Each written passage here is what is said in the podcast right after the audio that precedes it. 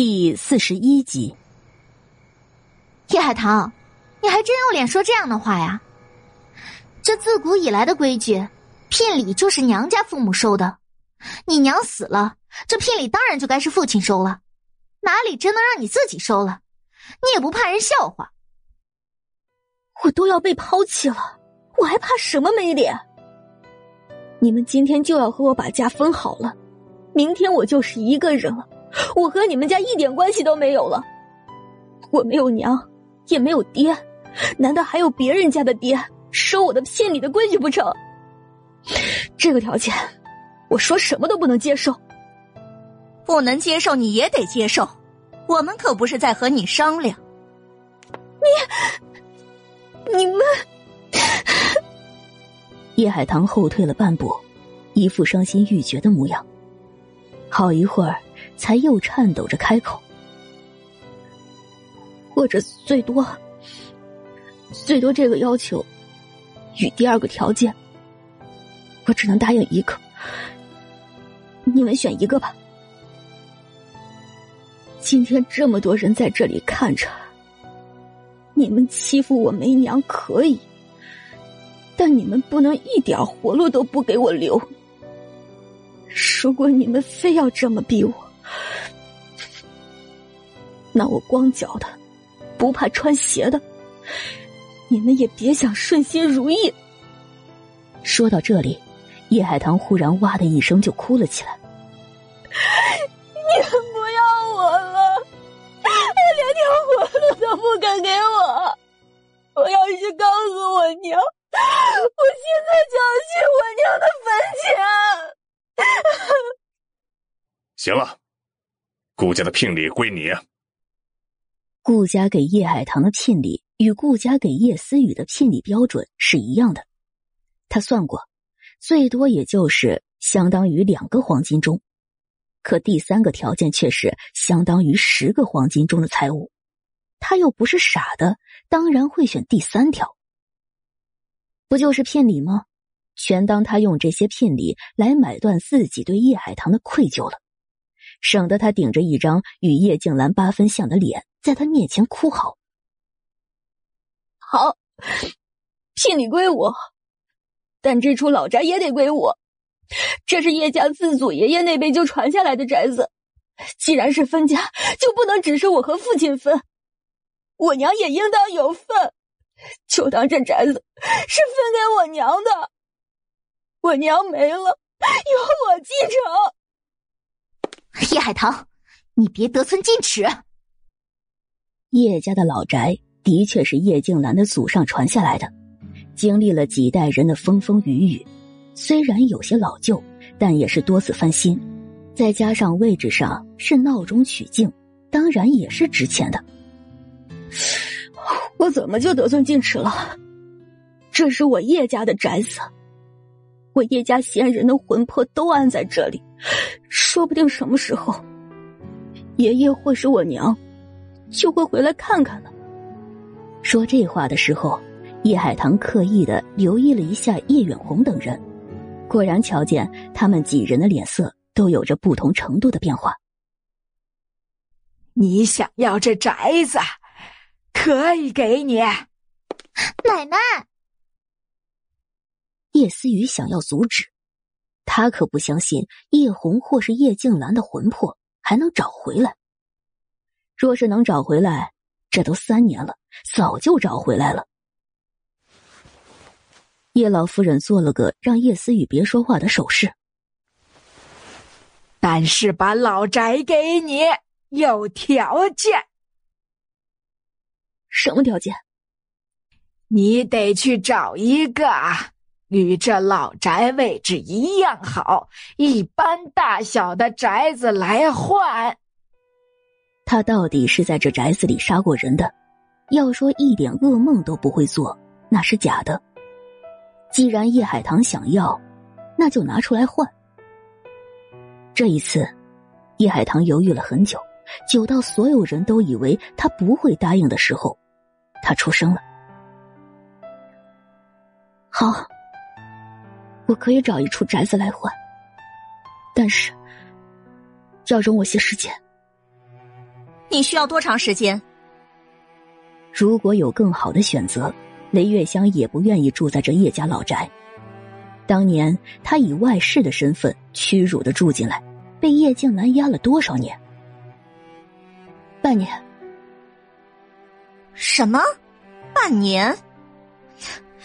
不行，太长了。那就五个月。雷月香看了叶老夫人一眼，又摇头。五个月也太长了，那就四个半月。叶老夫人假咳了一声，拿三根手指头捂住了自己的嘴巴。三个月，最多给你三个月。三个月你不拿宅子来换这叶家老宅，我们就把这老宅卖了，自己去买新宅院。不准卖！好，三个月就三个月。但是我们还要继续住在这里，直到你把新宅院送过来，让我们安置好了为止。雷月香摸准了叶老夫人和叶远红的意思，如实说着。叶海棠答应，可以。叶海棠的心理期限就是三个月，是故意说要半年期限的。至于为什么要给他们三个月，当然是留着与他们住在一起的时间。好好的对付他们一番，让他们也损失一两个人。那就这么说定了。我现在就把这些条件都改改，再请几位长辈过目，然后请族长爷爷帮忙重新抄写三份。和父亲，不，叶老爷都签字画押，再请族长爷爷和几位长辈做见证，都按下指印。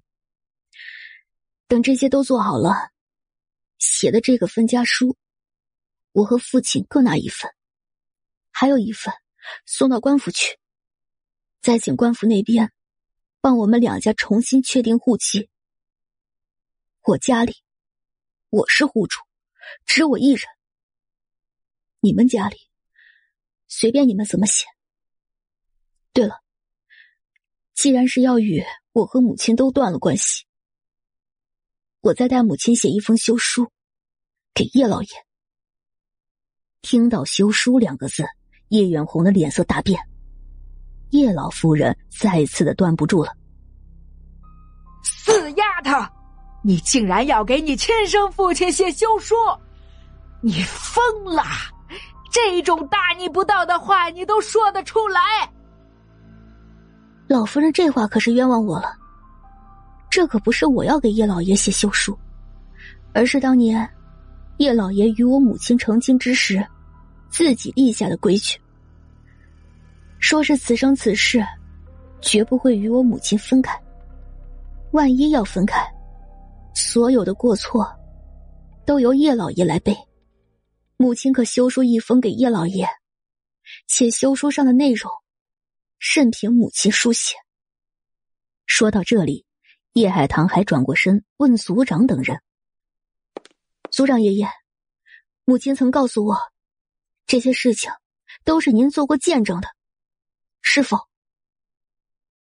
这倒是真的，不仅是我做过见证的，当时远红还让静兰当场写下了休书，说是他夫妻二人若能白头偕老，待他二人身死之后，这休书。便由我来分回，但若是中途出了变故，亦请我将这休书面世。这休书一式两份是静兰和远红都签字画押，按了手指印的。听说你们要分家，这休书我今儿也带过来了。什么？月红，你还签了这种东西？我怎么不晓得？这是真的吗？这件事是，是真的。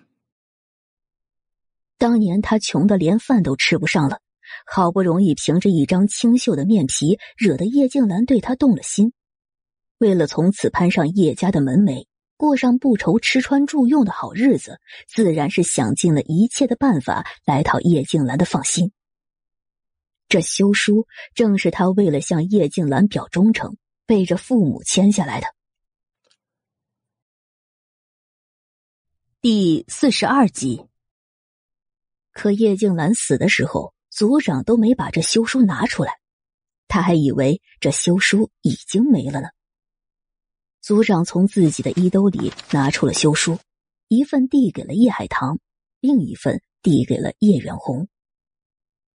叶海棠拿过来，细细的看了看，心里头顿时就乐了。这休书上不仅明确的写了叶远红是作为上门女婿与叶静兰成亲的。也写明了休掉叶远红的理由，包括不忠诚于夫妻感情、不赡养子女、不仁不孝等整整十大条罪状。大抵是当时叶远红能将想到的所有罪状都写上去了。这可是真正的搬了石头往自己的脚背上砸。既然有休书了，倒是省去了我带母亲写的麻烦。叶海棠将休书收好。现在，也只要把分家书写好就行了。不如，我先来将我们刚才说好的重写一遍，再由族长爷爷帮我抄写三份出来。如此也好。族长点了点头，那几个老辈人也跟着点了点头。事已至此，叶远红等人也没有表达出别的意见。叶海棠让风情拿来笔墨纸张，提笔重写分家书。分的东西都没有什么变化，就只写了那几个针对他的条件。第一条重新表达的意思是：从老叶家分出来给叶海棠的东西，终生归叶海棠私有，无需叶海棠再拿任何财物或者是物品来置换。但分家后。叶远红无需再给叶海棠任何的帮扶，他不再是叶海棠的父亲，叶海棠的任何事情无论好坏，他都无权利也无责任再管。比如，分家后，叶海棠要嫁人，婆家送过来的聘礼由她自己收自己处理。第二条重新表达的意思是，生养之恩大于天，但叶远红接受叶海棠拿十只黄金钟。或是与这十只黄金钟等价的财物来买断这份生养之恩。无论叶远红往后是贫贱还是富贵，叶海棠都无权利亦无责任再管。第三条重新表达的意思是，叶家老宅归叶静兰所有，但因叶静兰身死，叶远红同意将这老宅让给叶海棠继承。但是叶海棠需帮叶远红寻一处与叶家老宅的位置大小差不多的宅子，限期三个月。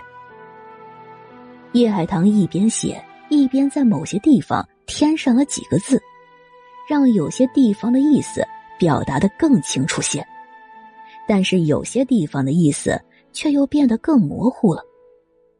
写完之后，他让人拿给叶远红等人看。叶远红首先就盯着那分家的清单，像是生怕他故意的将什么东西写漏了似的。就在他看的时候，叶海棠又犹犹豫豫的开口：“若是有人反悔了，这个家也可以不分的。我，我不是也很快就会和大少帅订婚了吗？而且……”我异父异母虽然不算是顶有钱的，也不算是没钱的，我以后还是有大富大贵的可能。若是果真分家，等我大富大贵了，还是可以帮衬家里面的。要不然，这个家就不。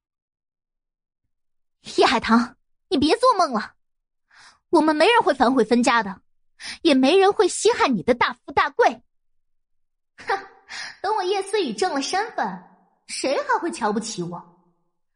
瞧不起的只会是你孤家寡人的叶海棠。现在是不稀罕，谁知道你们以后会不会稀罕呢？都说是风水轮流转，别瞅着眼下你们人多势众，日子好，保不齐哪天就凋零了、贫贱了，而我上去了。你放心。就算你真的有大富大贵的那一日，而我们落魄了，我们也不会求到你面前。我们淘米都不会讨到你面前。奶奶、父亲、娘，你们说我说的对不对？对，我们这辈子都不可能求到你这贱丫头的面前去的。你只需要记住，分了家之后，你自己惹下的麻烦你自己承担，别哭着喊着求我们帮你什么就行。你、你们好。那就把这一条也写在分家书上。自今日起，我与你们彻彻底底断了干净。往后不论遇到任何事，谁也别求谁。这叶远红有些犹豫，他其实还是想着留一点余地的。写，马上写。叶海棠将分家书拿过来，又提起了笔。你们真的不会后悔？快点写！叶思雨只觉得叶海棠磨磨蹭蹭的是在害怕，就更加趾高气扬的催促起了他。就这样，分家书上多出了第四条。族长亲手抄写了三份，叶海棠和叶远红分别签字，按手指印。叶海棠先签了，等到叶远红签的时候，他忽然抓住了那支笔。父亲，如果你签了这份家书，这可就是我最后一次害您父亲了。您真的真的确定要签吗？叶远红沉默了一下，将叶海棠的手拿开。我与你的母亲已经没有关系了，我给你做了这么多年的父亲，一直愧对了思雨，我也该给思雨做父亲了。你胡说！从小到大，你一直都偏爱叶思雨，你哪里给过我什么？母亲在世的时候，劝我要懂事，不要争。母亲没了，我带着满腔的希望回来，你又要抛弃我，你，你就不怕我会恨你吗？叶远红瞧着叶海棠那一张八分像叶静兰的脸。红着眼睛，满是怨恨的盯着他，心沉了沉，恐慌与烦躁一起上来，张嘴就呵斥：“你别闹了，该给你的都给你了。”他加快了速度，签好了分家书。我恨你，恨你们，你们非要把事情做得这么绝，我与你们不是一家人了。从此以后。再也不是一家人了，你们给我等着！我以后定会大富大贵，让你们悔青了肠子。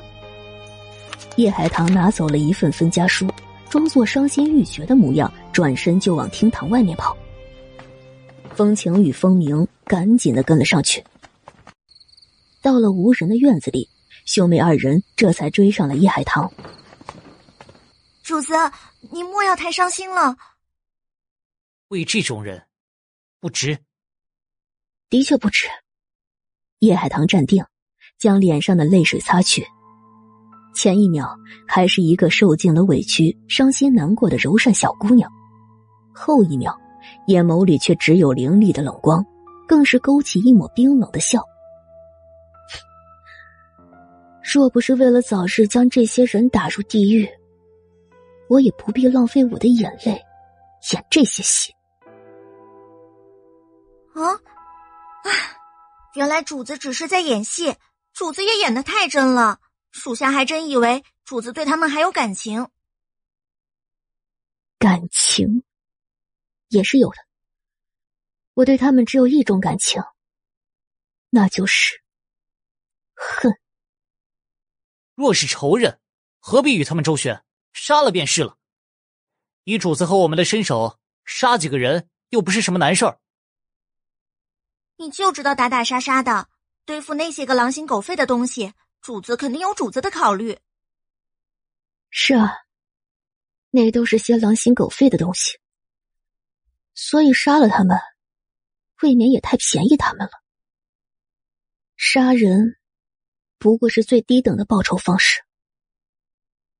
风鸣，风晴，在这世上，对付恶人最狠的方式，不是要他们死，而是要夺走他们所在意的一切，是在他们的灵魂深处种下让他们恐惧的一切，是要让他们求生不得，求死不能，生不如死的活着。这话里面的恨意和冷意，让风情和风鸣都忍不住惊心。是是，一切谨遵主子吩咐。第四十三集，叶海棠回头看了他们兄妹二人一眼，拿了帕子将手上泪水的湿意擦去。我今日心情很好，请你们去香园吃晚饭。谢主子。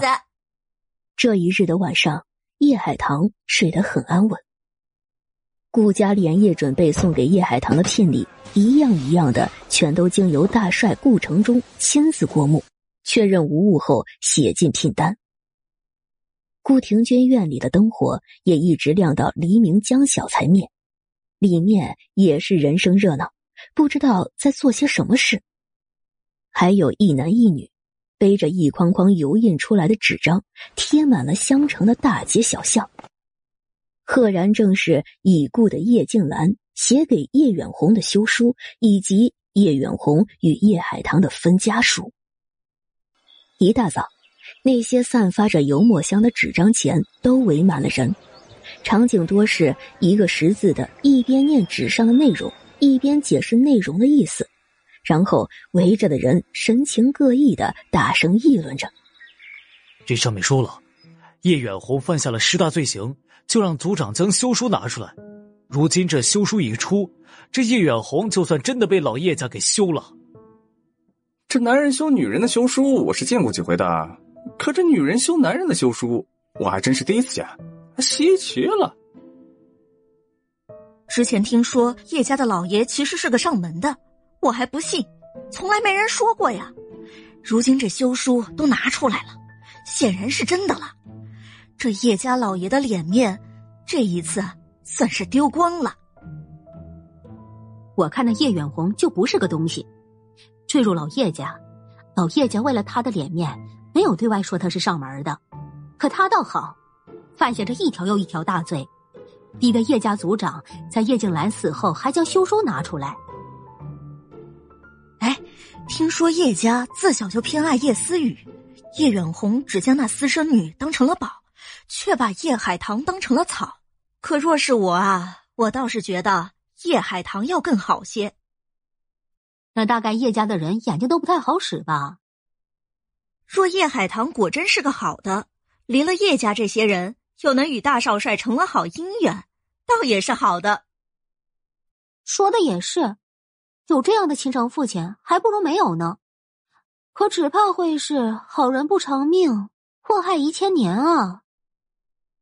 有人想到关于大少帅残忍嗜杀的传闻，都不作声了。这叶海棠，还真是个命运多舛的可怜人。可若是哪一日，这叶家海棠果真大富大贵了，叶家的这些人会是个什么样的姿态？我倒是有兴趣瞧上一瞧。那叶思雨是这种人家里养出来的女儿，自己又是个不知检点的，二少帅还肯要，也是有些奇葩了。如若顾家大房那边果真改了主意，要重新抬了叶思雨做儿媳妇儿，那我会觉得二少帅配不上做这南地酒厂的新大帅，德行有亏，怎堪大任？二少帅连选媳妇的眼光都不行。看热闹的人说什么的都有，还越说越偏。最后，将所有的叶家人和所有的顾家人都议论个遍没等这热闹过去，顾家那边由大帅亲自出马，身后的府兵挑着数十台的聘礼，一路敲锣打鼓的往叶家下聘了。哎哎，那是大帅吗？带这么多的人，这是要做什么？你傻啊？没瞧见这后面担着的是彩礼担子啊？这是去下聘的，看这方向，是往叶家那边去的。叶家，那是叶家的二小姐和二少帅要成亲了吗？不对呀，二少帅给二小姐的聘礼不是早就给过了吗？说是连成亲的日子都快到了，那顾家这又是哪一出啊？我的老姐姐，你的消息也太滞后了。最新的消息是，这叶思雨的确还是会进顾家的门，进二少帅的院子，但二少帅不是娶，是纳，以姨太太的身份进门的。至于这下聘啊，那是去给叶家大小姐的。这叶大小姐在外三年，披着一身金光回来，被大少帅一眼就相中了，只恨不能将她早点娶进门呢。你说的这两条消息确实吗？我当时就在现场，亲眼所见，亲耳所听。你说确实不确实？我跟你讲，你是没瞧见那叶家大小姐多厉害，被人坑害，半点都没慌，从满地的血和尸体的房间出来，一点都没怕啊。小的是顾小姐起了玩心，却害了她，当着大帅和大帅夫人的面就刮伤了顾小姐的脖子。将个好好的顾小姐啊吓得花容失色。天哪，这哪里是厉害，这简直就是彪悍啊！他这么彪悍，就不怕得罪了大帅和大帅夫人，让他以后在香城没有好果子吃？这个我就不知道了。不过倒是听说过啊，这叶海棠背后是有大倚仗的。许是他身后的倚仗也是个厉害的，他才敢这么做吧？这大帅夫人和顾小姐倒是得罪了，可大帅没怪他呀。不仅没怪他，这不，小的大帅瞧上了他，还亲自给他送聘礼呢。那真真是厉害了。可他到底是怎么被大少帅瞧上了？我可听说啊，活阎王从前是不喜欢女人的。这缘分的事情，谁说的好？大少帅从前没瞧上哪个女人。许是没遇到过像叶海棠这么厉害的。要我说啊，大少帅那种杀伐果决的男人，还得配叶海棠这种见过大世面的女人。哎呦，只是不知道啊，大少帅那性子也不晓得会和叶海棠好多久。二少帅那般的温和，不是也开始对叶思雨厌弃了吗？这那姨太太还是瞧在肚子里的娃娃份上呢。哟，这大少帅性子是冷了点儿，可他对叶海棠是认真的。他还当众发誓，说此生此世就只要叶海棠一个人儿，不纳姨太太，也不要外室呢。嗨，哪个男人求姑娘的时候不说好听的话？大少帅也是男人，许氏也不能免俗。我倒是觉得不能拿叶思雨和叶海棠比。那叶思雨是个啥？不就是个心思不善又不知检点的私生女？便是叶老爷与叶海棠分了家，以后单开了府，将叶思雨抬成了正经的千金小姐。可叶思雨过去那么多年的教养摆在那儿，男人嘛，和他玩玩倒是不打紧，可要上大台面，还差一些。大家说的都有道理，我们也就是看个热闹。这叶家两姐妹都进了顾府，以后的日子可长着呢，姑且看着吧。有人做出了最后的总结，于是众人纷纷点头，而后继续将脖子伸长，争先恐后的往前挤，看这一场乱世里难得的盛大送聘。与此同时，叶府雷月香自首受了伤，就一直让厨房给他开小灶。做一些补身子的补品。这一大早的，他还在洗漱，就喊了身边的婆子去要燕窝粥。婆子刚走，叶思雨就穿着新裙子进来了。娘，看看我穿着新裙子好不好看？叶思雨说着，在原地转了一个圈雷月香赶紧的上前扶住她。哎呦，思雨，你可得小心着点儿。你这肚子里怀着金疙瘩呢，怕什么？月份还不大，大夫说了，这胎稳得很。我打算穿着一身去见紫菱哥。昨晚上，我们和叶海棠那个贱丫头分了家，恐怕紫菱哥还不知道呢。我这就去亲自告诉他，也告诉他我以后就是咱们叶家唯一的千金小姐了。我想他听了这个消息一定会很高兴的，也会按照我们之前说好的日子娶我过门的。那是肯定的，这也是我们和叶海棠那贱丫头分家的原因。哎，思雨，你穿这裙子好看，但头上素了点儿。雷月香拉着叶思雨的手坐到了梳妆台前，从抽屉里拿了一对金色的发簪，一边往叶思雨的头上插，一边说着：“你马上就是要成为二少帅夫人的人了，穿戴要更贵重些，这样才称得起你的身份。”第四十四集，你去了顾府，和二少帅好好的说话。把你的本事都使出来，男人嘛，可不就是那么一回事儿。你顺了他的心意，把他伺候好了，把他高高的捧着了，让他方方面面的都满足了，他也就没有别的功夫去找别的女人了。我知道了，我一定会把紫林哥抓得牢牢的，不会给叶海棠那个贱丫头一点机会的。娘，我怀疑那个贱丫头。之所以答应嫁给大少帅，根本就不是真心看上大少帅。那活阎王的脾气那么坏，除了打打杀杀还有什么好？又丑的连脸都不敢露出来。叶海棠肯定是想借着那活阎王进了顾家的门，好方便跟我抢紫菱哥。你放心，她如今成了个孤女，又要给我们送钱，估计愁着呢。丫头说啊。瞧见她那院里，昨晚上就一直没灭了灯，像是伤心去了。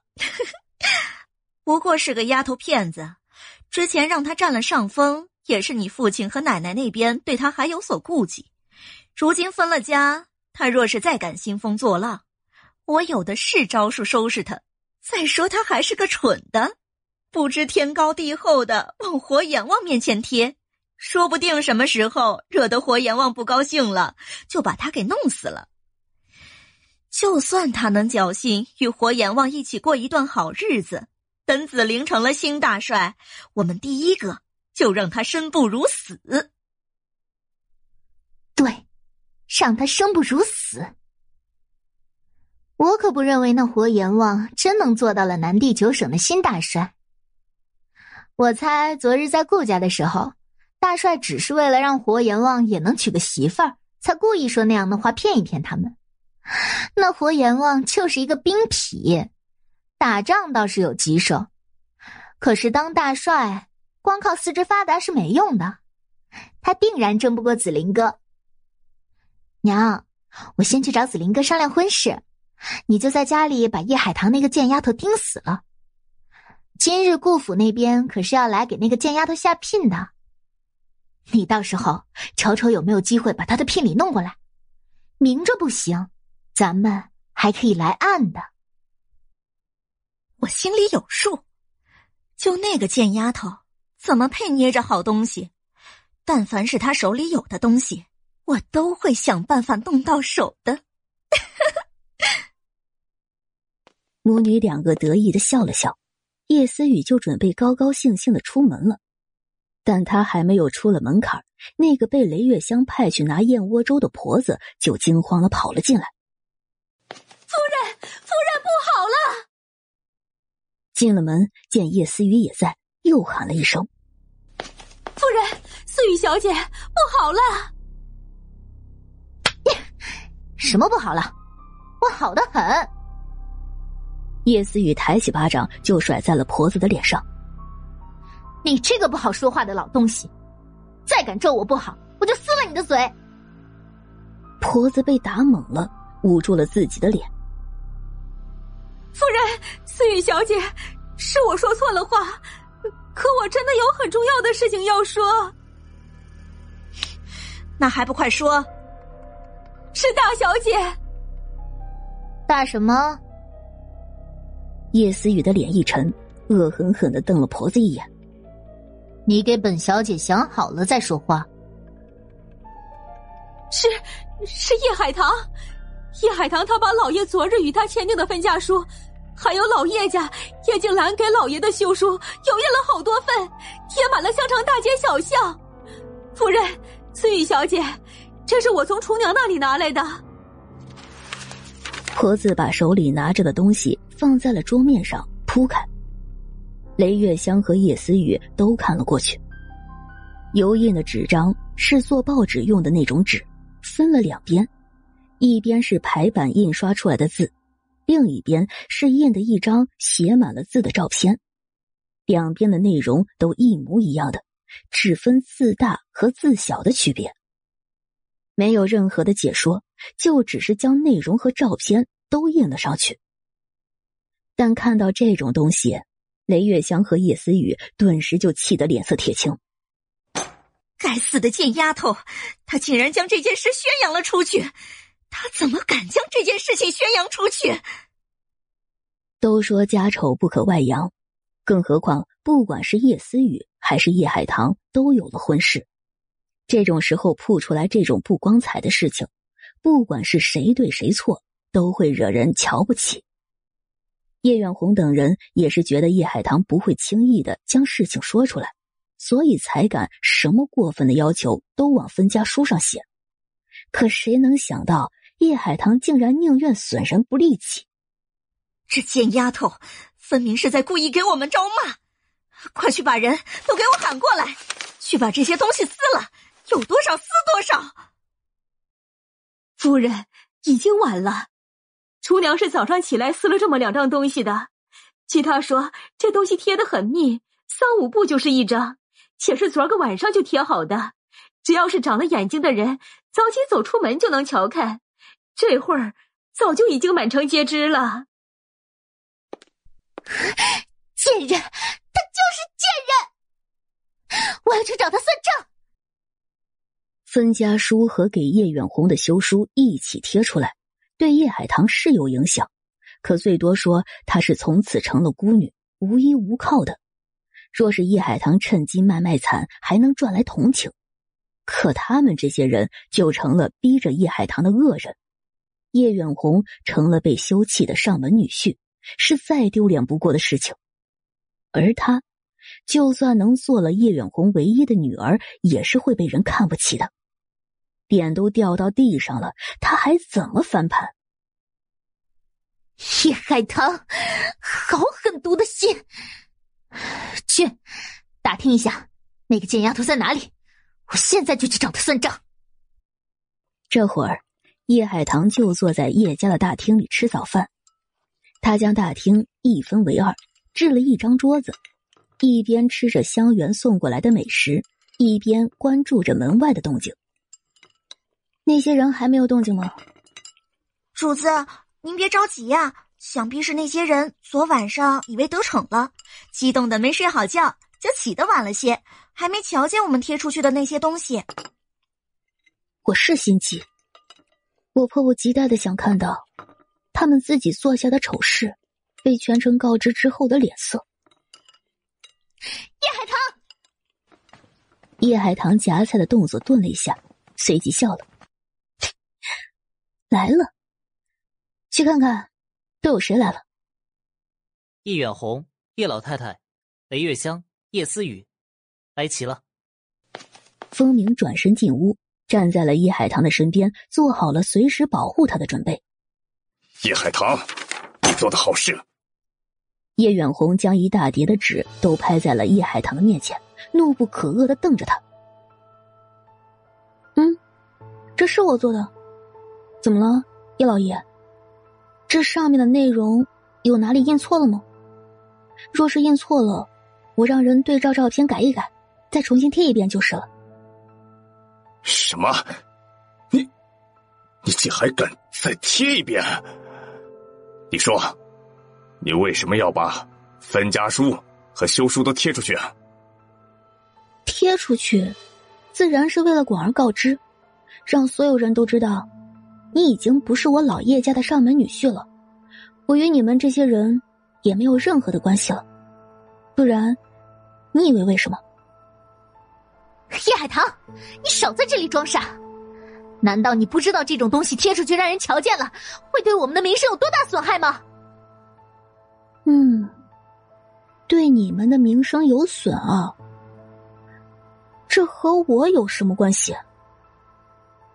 怎么和你没有关系？这些东西是你贴出去的。我告诉你，现在事情已经传开了，你最好马上想办法补救，或者说这些东西是假的，或者承认这些都是你搞出来的事情。我和你们分了家，这是真的，假不了。是你们见我亲娘早死，我无依无靠的，又为了把自己的身份抬上去，逼我分家的，这也假不了。你们欺我踩我，分家的时候只分给我少的可怜的几样东西，还样样都不值钱，这更假不了。为了让我不好过，你们还对我提各种要求。让我掏光傍身的财物来买断与你们之间的关系，这全都假不了。那我为什么要说这些事情是假的呢？第四十五集，可你故意害我们！有人看了这分家书和休书，就会把我们当成恶人，我们就会被人骂，而我也会因为这些东西。原来你们知道自己做的这种事儿是恶事，会招人唾骂呀？那就不是我害你们了，是你们自作自受啊！怎么，你们自作自受的后果，还想我给你们背？你们真当我还是过去那个，任由着你们踩着压着欺负着，还会捧着你们，盼着你们给我一点感情，与我好好相处的叶海棠？叶海棠将手里的汤勺往碗里一扔，抱歉，我如今办不到了。出去三年，我方才知道，过去的我活得太委屈，自然就不会再委屈自己。谁对我好，我就对谁好；谁对我不好，就给我滚！你叶海棠，你太过分了！过分的是你们这些人吧？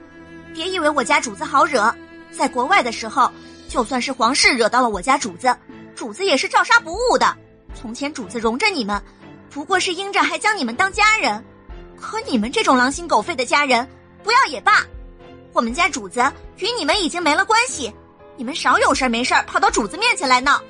家里的孩子不懂事儿，大人也不懂事儿吗？给脸还不要脸了？风情比叶海棠还小了两岁，可说起这种话来，却老脸的像模像样的。叶老太太和叶远红的脸上直接就挂不住了。哪里来的野丫头，跑到我叶家来嚣张，不想活？那个了字还没喊出来，就卡在了喉管里，只因为风情手里多了一把枪，枪口对准了他。叶老爷，事过无悔。再多纠缠，就没有意思。叶海棠，你不过就是个丫头片子，别把事情做得太绝了。奶奶说的没错，叶海棠，别以为你嫁给大少帅就可以无法无天了。什么活阎王，也不过就是个杀人如麻的丑八怪。你说谁是丑八怪？叶思雨。昨日在顾家，你伙同顾立婉想要害我，我只教训了顾立婉，还没来得及教训你，你不太满意，或者你想让我也成全成全你？叶思雨马上想到叶海棠对付顾立婉时的狠辣，忙将身子往后缩了缩。啊！我可怀着子林哥的孩子，你敢对我下手？你就不怕子林哥找你算账吗？不怕，别说是顾子林，就是顾府大帅，你昨日里不是亲眼看见了吗？我怕过吗？叶思雨，你选什么样的男人是你的事情，但你最好管住自己的嘴巴，莫要张嘴就乱咬人，尤其是咬与我有关的人，否则别怪我对你不客气。你叶思雨气结，他从小到大什么时候被叶海棠压得死死的过？见叶思雨也说不出什么来了，叶海棠转移了话题。不过你们既然都过来了，那么正好，我是打算今日就把那分家书上的第二条做了的，正是要求他拿十只黄金钟或者与黄金钟等价值的东西来买断与叶远红的关系的那一条。这件事他做起来定然不会是叶远红想要的那样。是以，他得借助庞的势力，才好将事情办完。至于那旁的势力是……海棠小姐来了来了，顾府大帅亲自到叶家给您下聘来了。厅堂外有人一边跑过来，一边满脸笑容的喊道：“大帅来我们府里了，快快快，远红啊，我们去迎接一下。”叶老太太马上就转过身来。像是晚了一步，这种讨好大帅的机会就会被别人给占了去似的。当然，他眼里的别人也就只有一个叶海棠而已。刚刚还趾高气扬的来算账的四个人都齐齐的去了门口迎接大帅。等他们走远了，叶海棠才起了身：“风情，将桌子收拾一下。风明，随我出去。”“是，主子。”门口，大帅刚翻身下马，叶远红等人就迎上了前。大帅亲自来送聘，实在太抬举叶海棠那个丫头了。哎，大帅辛苦了，快些到府里边歇着吧。叶老太太见大门还没有完全打开，又转过头质问雷月香：“怎么做事的？大帅都到了，中门还没打开。”雷月香忙走回去，呵斥了门房几句：“快点把门打开！再慢，仔细你们的皮子！”来人，快过来帮忙将东西抬进去。叶远红是打着看有没有办法再将叶海棠的聘礼占那么一点的想法，喊出来的人都是听他话的下人。这些下人都堆了满脸的笑容出来，朝着那些府兵过去。慢着，叶老爷，本大帅今日是来给我的大儿媳妇下聘的，可你们这些人跑出来，是个什么意思？在路上的时候，顾城中就知道昨天晚上叶海棠已经和叶远红分家的消息了。那分家书和休书，他也是一字不落的看完的。他打心眼里就瞧不上叶远红这种人。哪里还会任由着他在这里像是要做主似的献殷勤？大帅，这……大帅说笑了。大帅百忙之中还亲自到我们叶府来下聘，我们受宠若惊，来迎一迎大帅也是应当的。别跟本大帅来这套。大帅却一点面子都没给叶远红和叶老太太。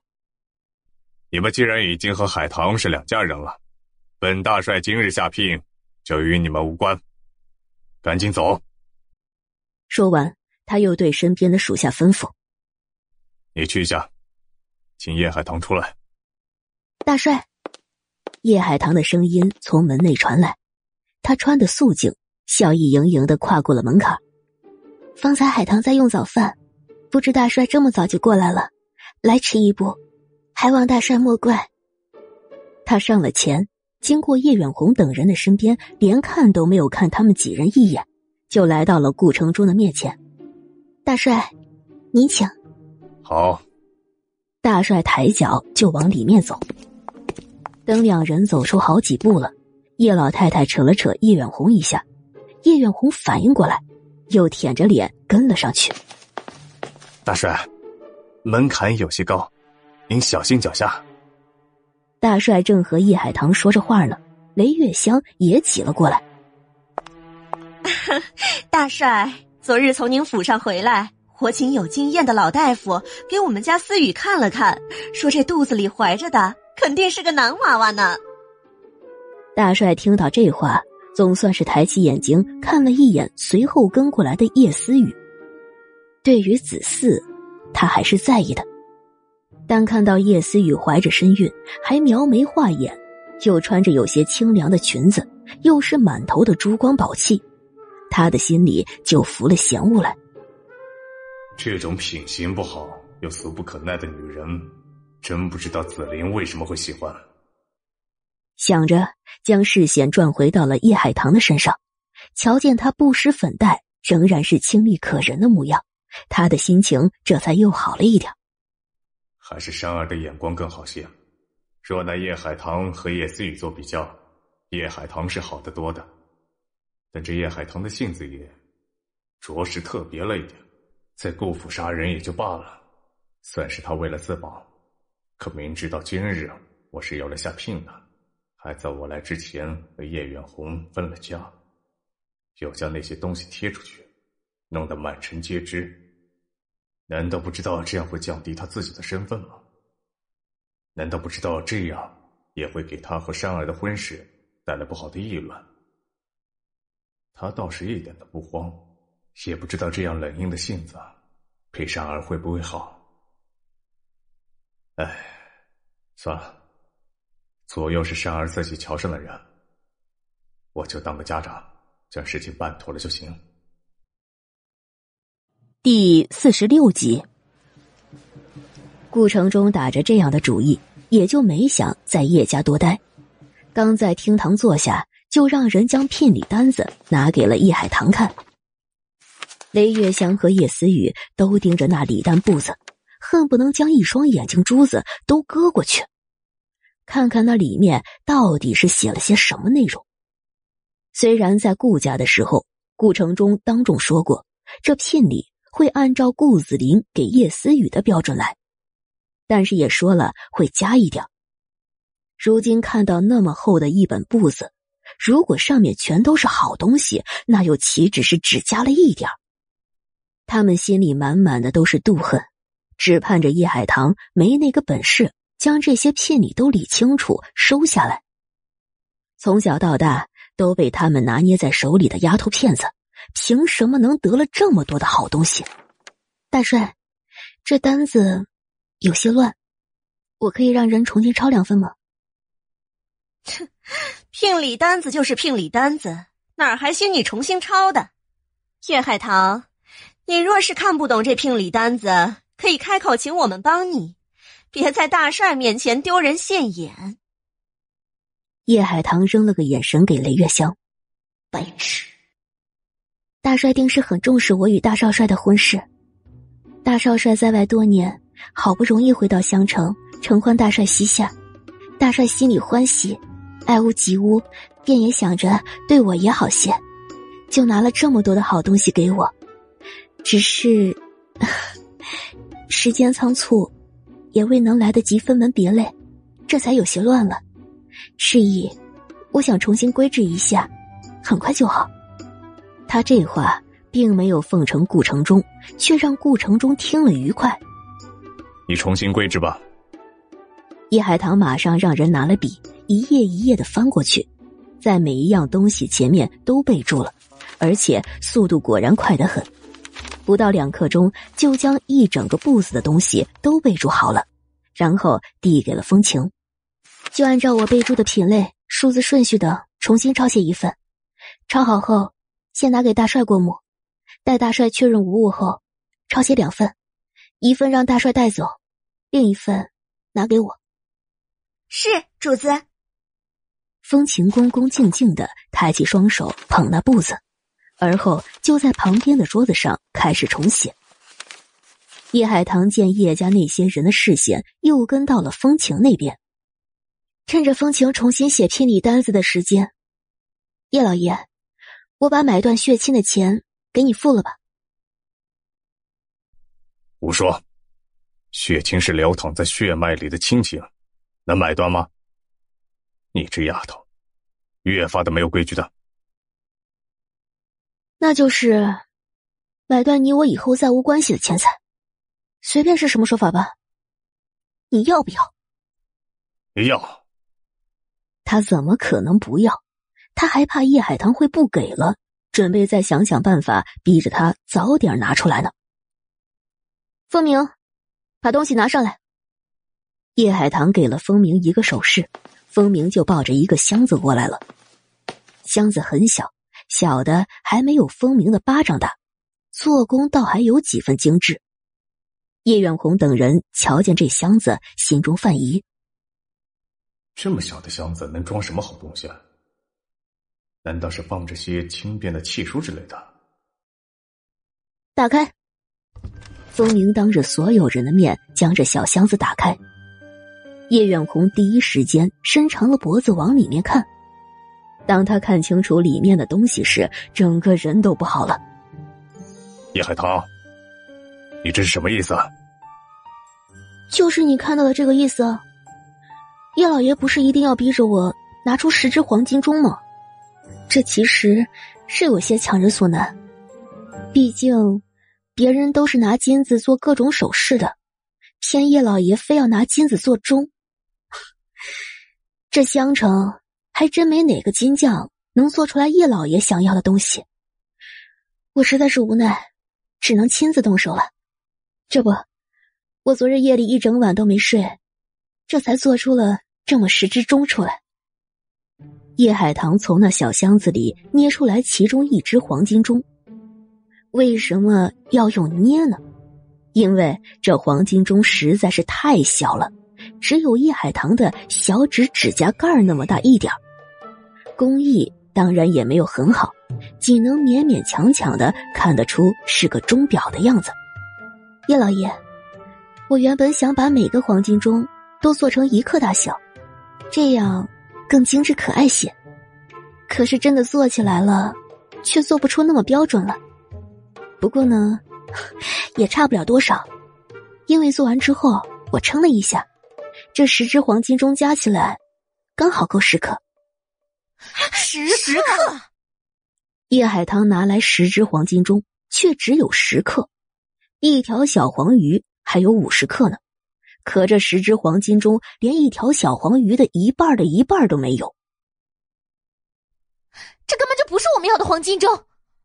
叶海棠，我们要的是你之前送给奶奶的那种黄金钟。是一只钟就价值一千条大黄鱼的黄金钟，你却拿这么小的东西来糊弄我们，你玩我们是吧？原来是想要那价值千金的黄金钟啊！可惜了，没办法了，你们刚开始的时候没有说好，如今分家书都已经签好，这就是你们要的东西。你们要就拿走，从此与我再无半点的关系。你们不要不拿走，从此也与我再无半点关系。毕竟东西我给了，是你们自己不要的。叶海棠，你故意的。叶远红捂住了自己的心口，他觉得自己的心闷闷的，连呼吸都已经不畅了。到这个时候，他还有什么不明白的？他这是被叶海棠摆了一道。这个有着他一半血脉的丫头片子，在分家书上挖了坑，他一时不察，掉进了坑里，而他开始填土了。叶老爷，这世上没人能一人占尽所有的好处。你是老叶家的上门女婿，按照上门女婿的规矩，是你到老叶家来的时候带了些什么东西，走的时候就带什么东西走。当年你是穿着一身粗布衣服来的，兜里别说是贵重的财物，连半块铜钱都没有。要分家了，老叶家的东西，自然也不该有你的份儿。但是老叶家如今就剩下我一个人了，你又是我的亲生父亲，即便是你偏爱自己的私生女，要残忍的抛弃我，而且还逼着我答应各种不公平的条件。我也不忍心让你一无所有，所以分家书上，你要什么我给什么，你签了字按了手印，此事就定了下来了。如今满城皆知，你若是还不满意，那就带着你的母亲、你的女人和女儿，净身出户。除此之外，别的事情你想反悔，我只有三个字送给你：不可能。叶海棠，你敢这么对我，你是要遭天打雷劈的。我倒是盼着天打雷劈能劈死我，也好让我早些去见母亲。可你们如此欺负我，他日下了黄泉，你们敢去见我的母亲吗？此刻，明明叶海棠的声音很轻很平静，可是当他那双过于清澈的眼睛看过来的时候，叶远红等人却感受到了从他眼里弥漫出来的冰冷的东西。那种东西让他们想起了自己藏在内心深处的罪恶，觉得恐惧。他们不敢去深思这东西到底是什么。你一定要这么做。叶远红死死的盯着叶海棠。叶海棠将那枚小小的黄金钟扔回到了小箱子里。叶老爷，你得到的东西已经够多了，这十只黄金钟。熬了我一宿才做出来，你若是不要，要。叶远红从风鸣的手里将小箱子抢走。我为什么不要？既然是给我的东西，我当然得要。叶海棠，你不愧是叶静兰的女儿，与她一样精于算计，连自己的亲生父亲都算计的这么狠，好。好好，算你厉害。我倒是想看看，你这个不仁不孝的丫头片子，离了我，你能走多远？第四十七集，他恨不能撕了叶海棠，甚至后悔没有在他出生的时候就将他一把掐死，又或是三年前没有让这丫头片子和叶静兰一起去死。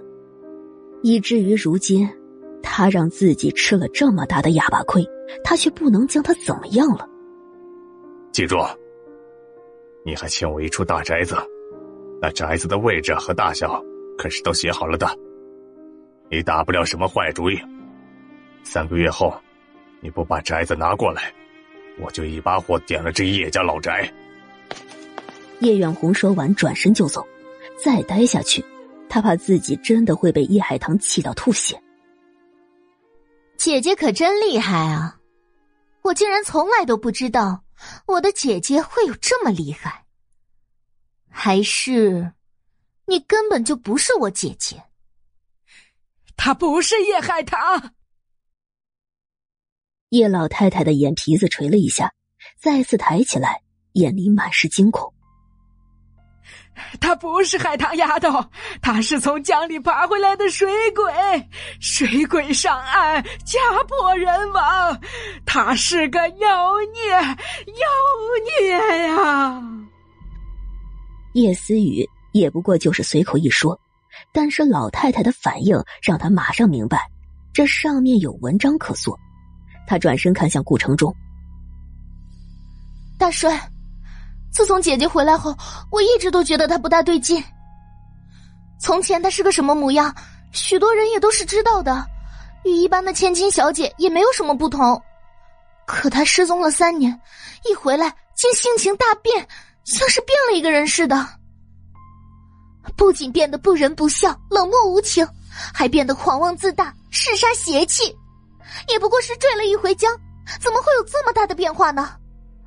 唯一的解释只有，她根本就不是我姐姐，她是妖孽，被水鬼附身的妖孽，专门上岸来祸害人的。大帅，我们都被这个妖孽给骗了，不能再继续被他骗下去，应该马上把他捆起来，用火烧死，以免给我们大家带来更大的祸患。是啊，大帅，岩江住的人哪个不晓得水鬼上岸，家破人亡？所以逢年过节的都会往江里扔祭品，相传每年还会举行大型的祭祀活动，不都是为了避祸吗？可这个叶海棠回到我们叶家才几天了，就已经把这个家给拆散了，还闹出来这些令人匪夷所思的事情。他他如果是寻常的人，哪里有这样的能力呀？雷月香还拉着叶思雨往后退了退。哎呀，大帅，这个叶海棠太可怕了，还会蛊惑人心。大少帅从不喜欢女人，偏偏看上了他，谁知道他是不是给大少帅下了什么妖法？顾城中往叶海棠看过去，他当然不会马上就信了叶思雨等人的话，但是要说心里不起疑，那也是假的。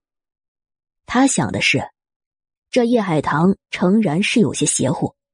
否则，在他的书房那样一个密闭的空间里，一个柔弱的姑娘家是怎么以一己之力杀了那么多人的？叶海棠要与叶远红这些人断关系，怎么就能断的这么快？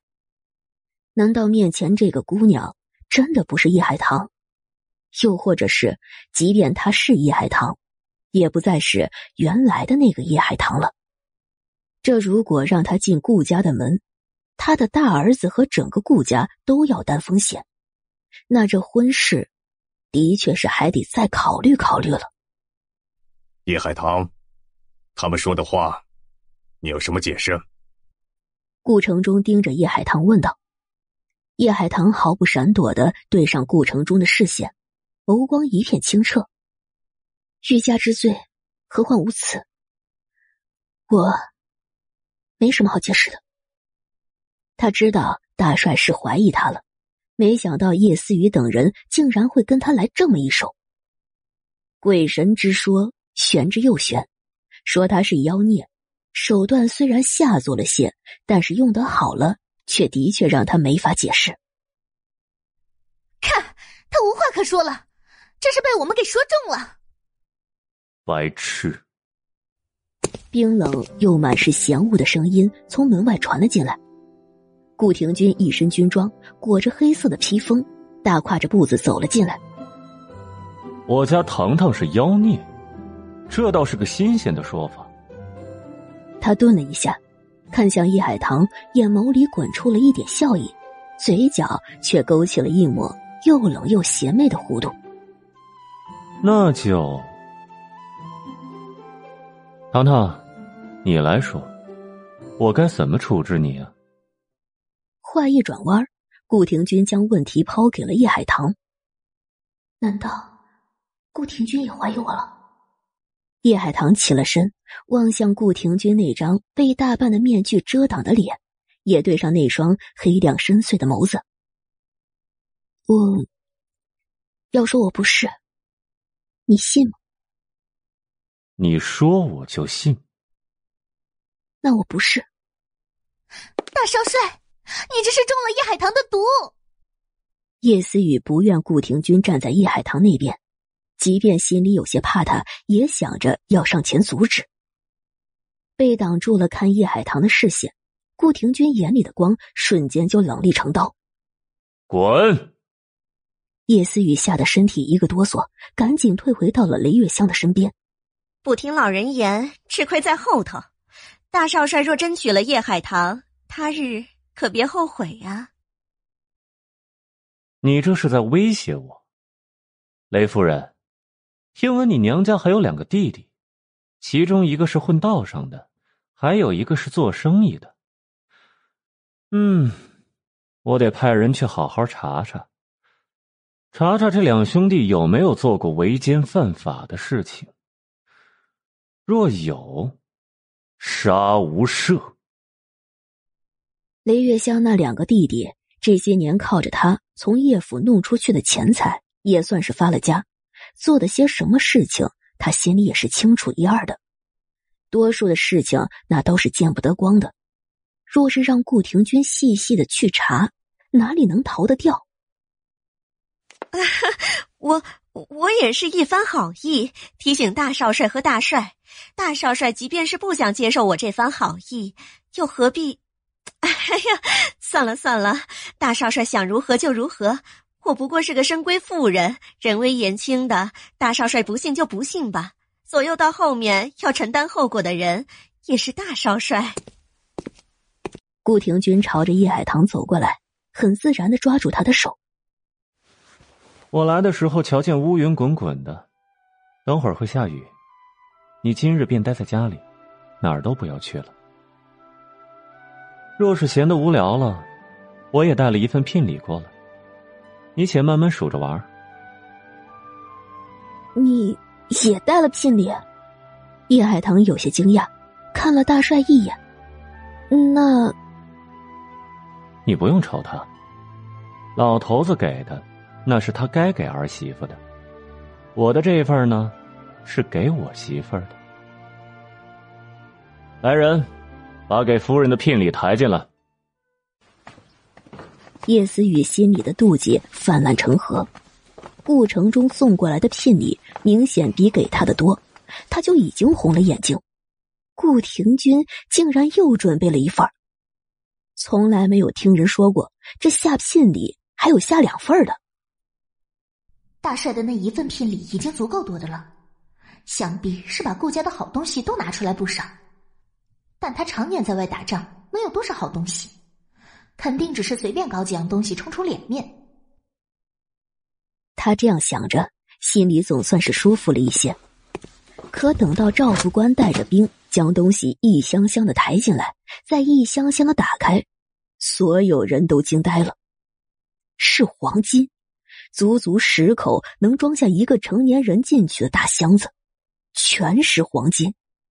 那金灿灿的一片，简直能亮瞎人的眼睛。箱子里的黄金都是统一的标准，被铸成一根根的金条，满满当当的放在了箱子里。金子这种东西本身就是带着莫大的诱惑力，这么多的金子搁在一起，除了不懂事的孩童，任何人都会被震惊的说不出话来。叶海棠自以为是个不怎么重视钱财的人，看到这么多的金子摆在他的眼前，也忍不住的瞪大了眼睛。顾廷君将他的表情收入眼中，眼底就弥漫出了愉悦来。第四十八集，我昨天晚上想了许久，也不知该拿出些什么东西来娶你。毕竟，我就是个很俗很俗的人，没有那些个容易破碎的瓶瓶罐罐，也便看不了那些个需得小心伺候的字帖书画。手里唯一有的。就只有这些很俗很俗的金子了。叶海棠有些想笑，能将古董和名家字画贬得这么低的，普天之下怕也是只有顾廷君一人了。没关系，我也是个很俗很俗的人，我就喜欢这种很俗很俗的东西。他用眼角的余光瞥了瞥叶老太太、雷月香和叶思雨。不意外的看到他们三个人的脸都扭曲的变了形，尤其是叶思雨，更是死死的捏住了自己的衣角，怕是再多用一点点的力气就能将自己的衣服都撕碎了。顾廷君可不只是个俗人，还是个狂妄嚣张到能够将人生生气到吐血的活阎王。顾城中看到那么多的金条，也震惊的差一点就坐不住了。他带来的聘礼可以说是品类齐全，价值不菲。可约摸的算一算，也最多及得上有顾廷君这一箱子的黄金。顾廷君却是抬过来整整的十箱。生儿，你哪来的这么多的黄金？顾廷君扫了他一眼，捏着叶海棠的手，心情还算是不错，就答了。多数是不忙的时候。从别人那里抢来的，少数是我自己挖的。他这么多年在外面打仗，手下败将没有一百也有八十，多的是势力头子和盗匪头子，偶尔也会运气好，撞上那么几个为富不仁的大商贾。那些人都被他收拾了，那些人的财物自然被他收割。再加上手底下的几个副官，都是喜欢这种俗物的。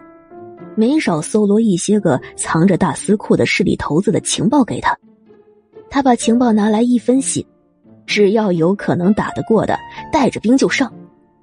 后来这种事情做得顺手了，有那么一两年没人主动招惹他，他就把自己周围大大小小的势力全部都给处理了，以至于打到后面，有些人听说他在路上来了，带着妻妾就逃跑，他只需让人进了府。去把东西给抬走就成了。再说那金山的事，那是他打了一个匪窝得来的，打了三回，匪头子每回都能献上大量的金子，还越打越有。最后一查，那匪窝就建在金矿山上，下面的金洞里矿石的含金量高的吓人，自然这匪窝就被他给占了。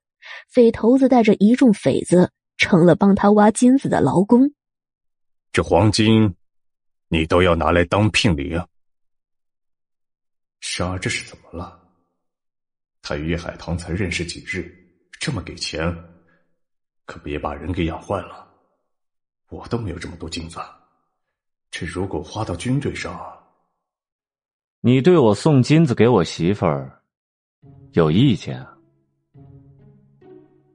金子，我多的是。今次你给我媳妇儿送了聘礼，若是你想要，你也可以多去找几个女人，我可以帮你多送一份聘礼。对于老头子找女人这件事情，顾廷钧并不抗拒。在他看来，老头子辜负了自己的娘，那么和一个女人在一起与和多个女人在一起就没什么区别了。可他瞧不得那郭双在顾府一人独大，若是多几个女人去跟郭双斗一斗，他倒是乐见的。于是他颇有些认真的说道：“一个女人。”他犹豫了一下，伸出一根手指：“一根金条吧。”他不仅是个很俗很俗的人，还是个很小气很小气的人，对自家媳妇儿大方就够了，旁的人。敢占他分毫，就这一根金条，还是看在顾城中是他老子的份上。主子，大帅送来的聘礼都重新抄写好了。风情将布子捧过来，拿给叶海棠看，又在叶海棠的首肯下，将布子送到了顾城中的手里。顾城中随意的翻看了下，态度就端正了起来。经过叶海棠的重新归类，这单子上的东西。不仅一目了然，更是一点错处和混淆处都挑不出来。他心里对叶海棠不好的感觉又消弱了几分。能在短短的时间内将这步子整理的这么好，这叶海棠是个涨价的料。海棠啊，如果你没有别的想法了，那今这聘礼就算是交到你手里了。你家中无父母替你操持，成亲的事情。姑父都办了，你只管穿着嫁衣，等日子到了，嫁给山儿就成。叶海棠看了一眼顾廷钧，见他并没有什么意见的样子，就答应了。大帅考虑的周全，那就按大帅的意思办。只是这成亲的日子，初八是个好日子，之前府里面也准备了一些东西，倒是可以就以现成的。我看你和珊儿就初八那一日成亲吧。什么？初八？大帅是下月初八吗？如果是下月初八，那是我们家思雨和二少帅成亲的日子。顾府的东西也原本是给思雨和二少帅准备的，怎么就能给叶海棠？这不是要故意踩我们家思雨和二少帅吗？叶思雨咬了咬唇，眼泪就吧嗒吧嗒的往下掉。拉扯了一下雷月香，故意一副可怜模样。娘，你别说胡话，这是在大帅面前。大帅面前怎么了？就算是大帅，那也是为人父母的，怎么能出尔反尔，将小儿子准备成亲的东西让大儿子给占了？这也太太偏心了吧！别忘了，大少帅还算不得正正经经的顾家少爷。我听闻，当年大帅接了白萍到府里面住，是连聘礼都没给的。后边也不过是因为生了孩子，喊了个姨太太的。顾府是站在南地九省塔尖上的，顾府有哪些人，都有些什么身份和隐秘，也是有人晓得的。再加上叶思雨和顾子林好的蜜里调油的时候，从顾子林的嘴里得来了更多的消息。雷月香会晓得顾城中没给过白萍聘礼的事情，也就不那么意外了。他私心里觉得，白萍的身份与他也没什么不同，这会儿为了给女儿争东西，也就说了出来。但是这话一说出来，大帅就黑了整张脸，顾廷钧的眼里也眯起了危险冷光。整个屋子里的温度都像是下降了好几度。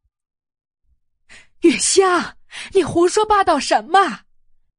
你不说话，没人把你当哑巴。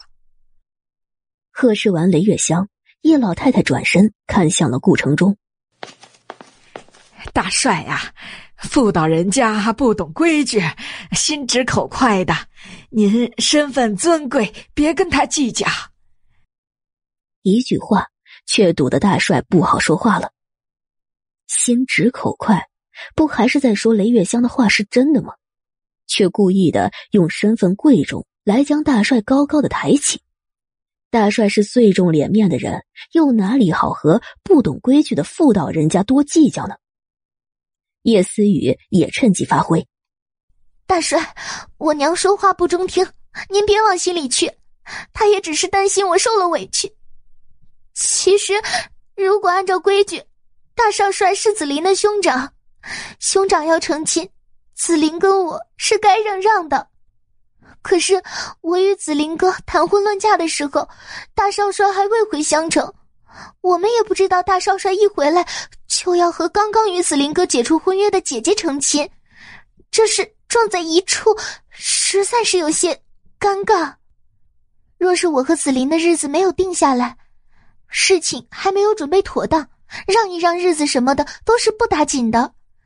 但如今我和紫菱哥成亲的喜帖都已经发出去了，这个时候让了，恐怕大帅夫人的脸上会不好看。说到这里。他抬起头来看了看顾城中，声音稍稍的低了些。其实，大少帅是紫林的兄长，自古以来也是兄友弟恭的规矩。如果大少帅能先让我和紫林成亲，我和紫林定然会很感谢、敬重大少帅的。第四十九集，兄友弟恭。顾廷钧拉着叶海棠坐了下来，他用手指敲了敲桌上的茶壶。你们瞧着我像是兄友弟恭的人吗？想用规矩绑住他，他顾廷钧是讲规矩的人吗？感谢、敬重，他需要顾子林、叶思雨这些人来感谢和敬重吗？叶海棠伸手拿了茶壶，给顾廷钧倒了一杯茶。一边道一边说：“叶老夫人、雷夫人、思雨小姐的口才都很好，三言两语的就把自己摆在了弱势无奈的位置上。自己做的事情，猪狗不如，偏把别人和规矩绑在一处，到底是哪里来的这种底气？”叶海棠看向那三人，难道是因为你们脸大、无耻吗？叶海棠，你骂我也就算了，竟然连我娘和奶奶都一起骂，你一个小辈还有没有道德了？道什么？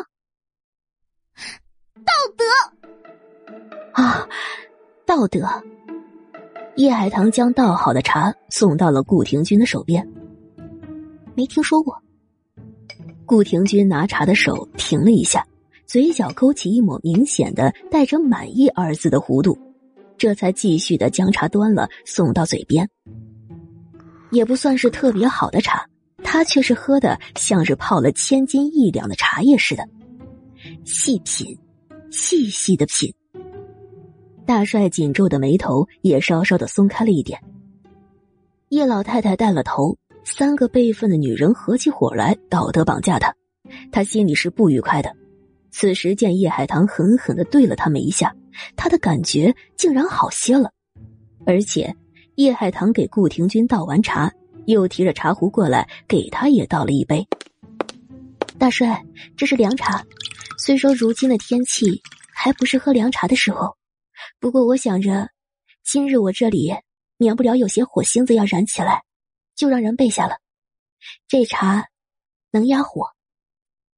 叶老太太。雷月香、叶思雨的脸色又黑了一层。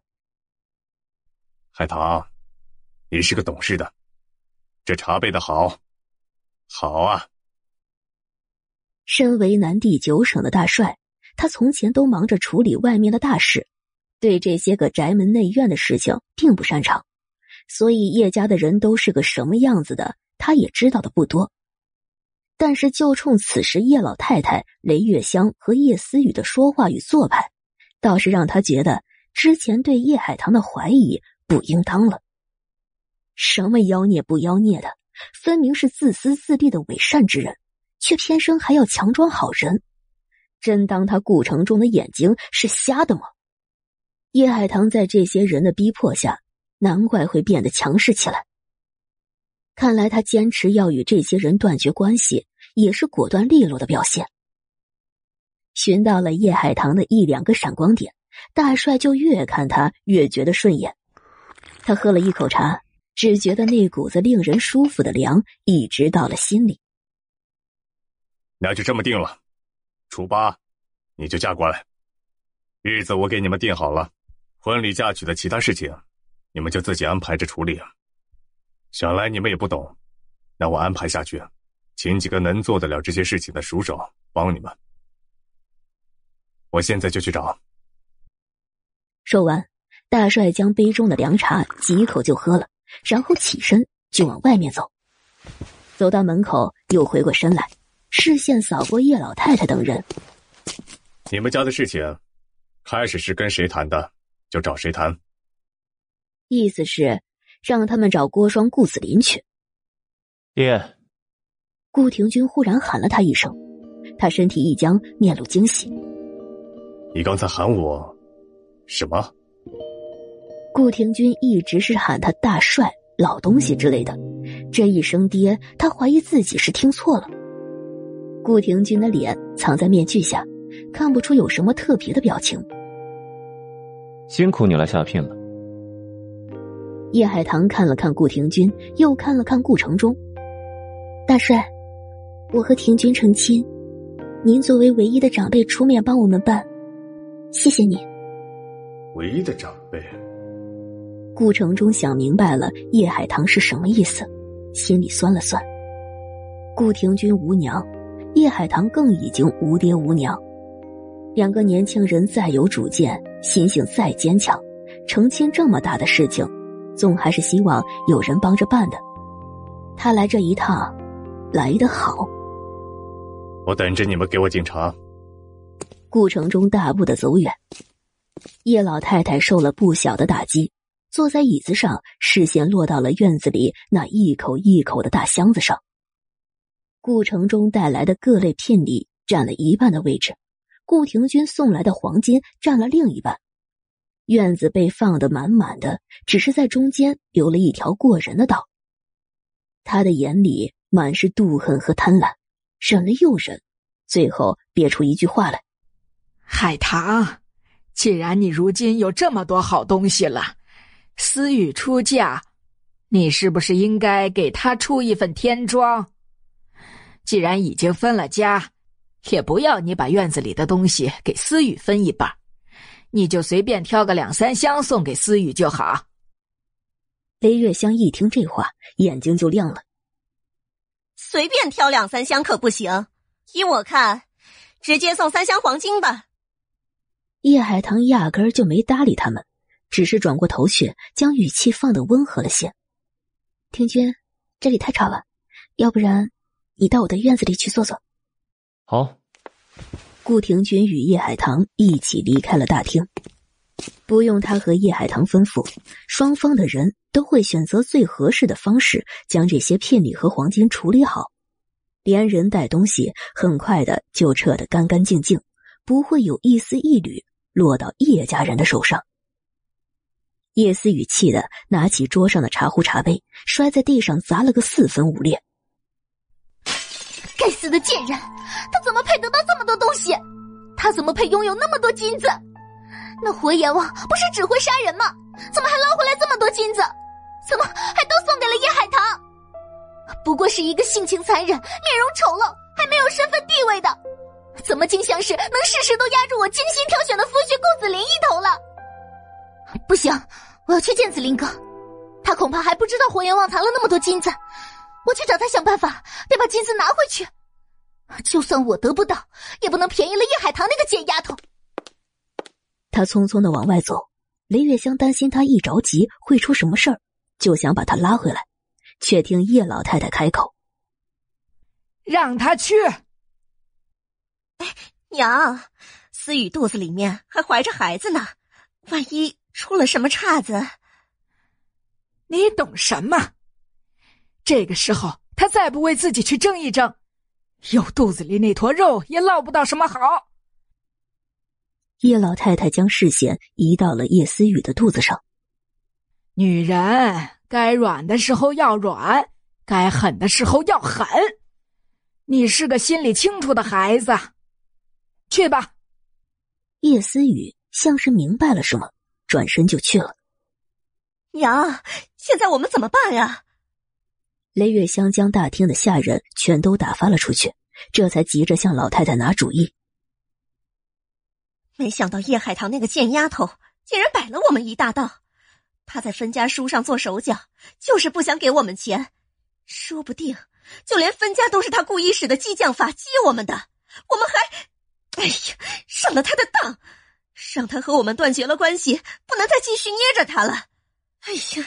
早知道今日大帅和大少帅会送来这么多，我们昨天晚上哪里会和他分家呀？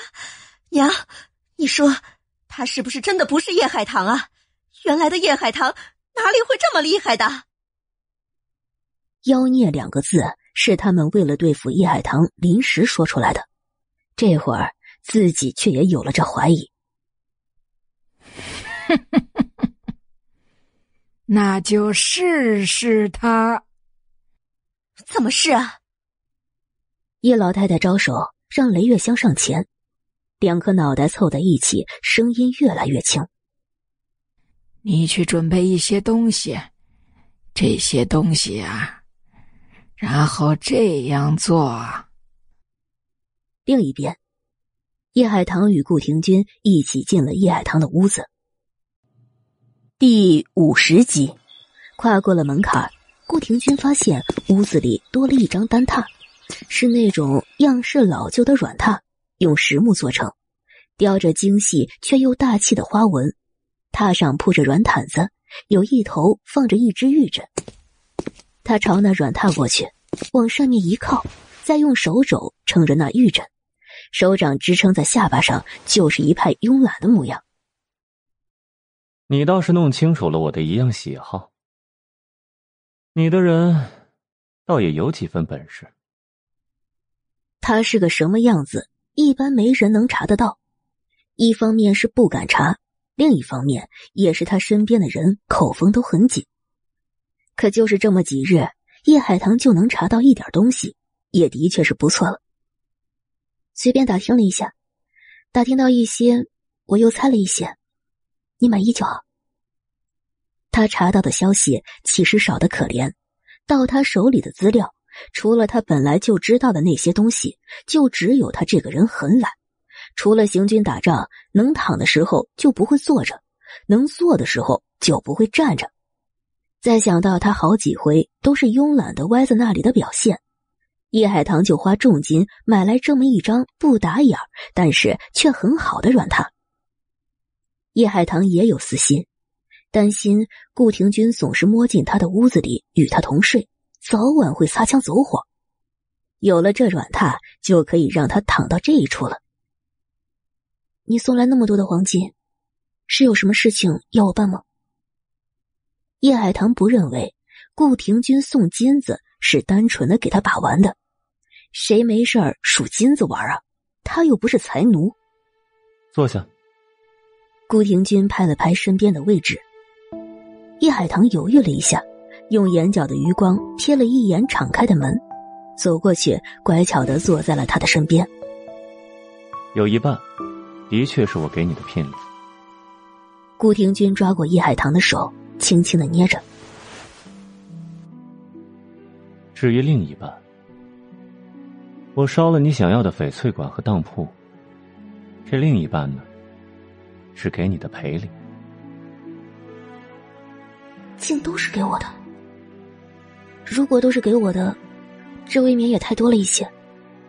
既然场面上已经过去了，要不然你拿回去。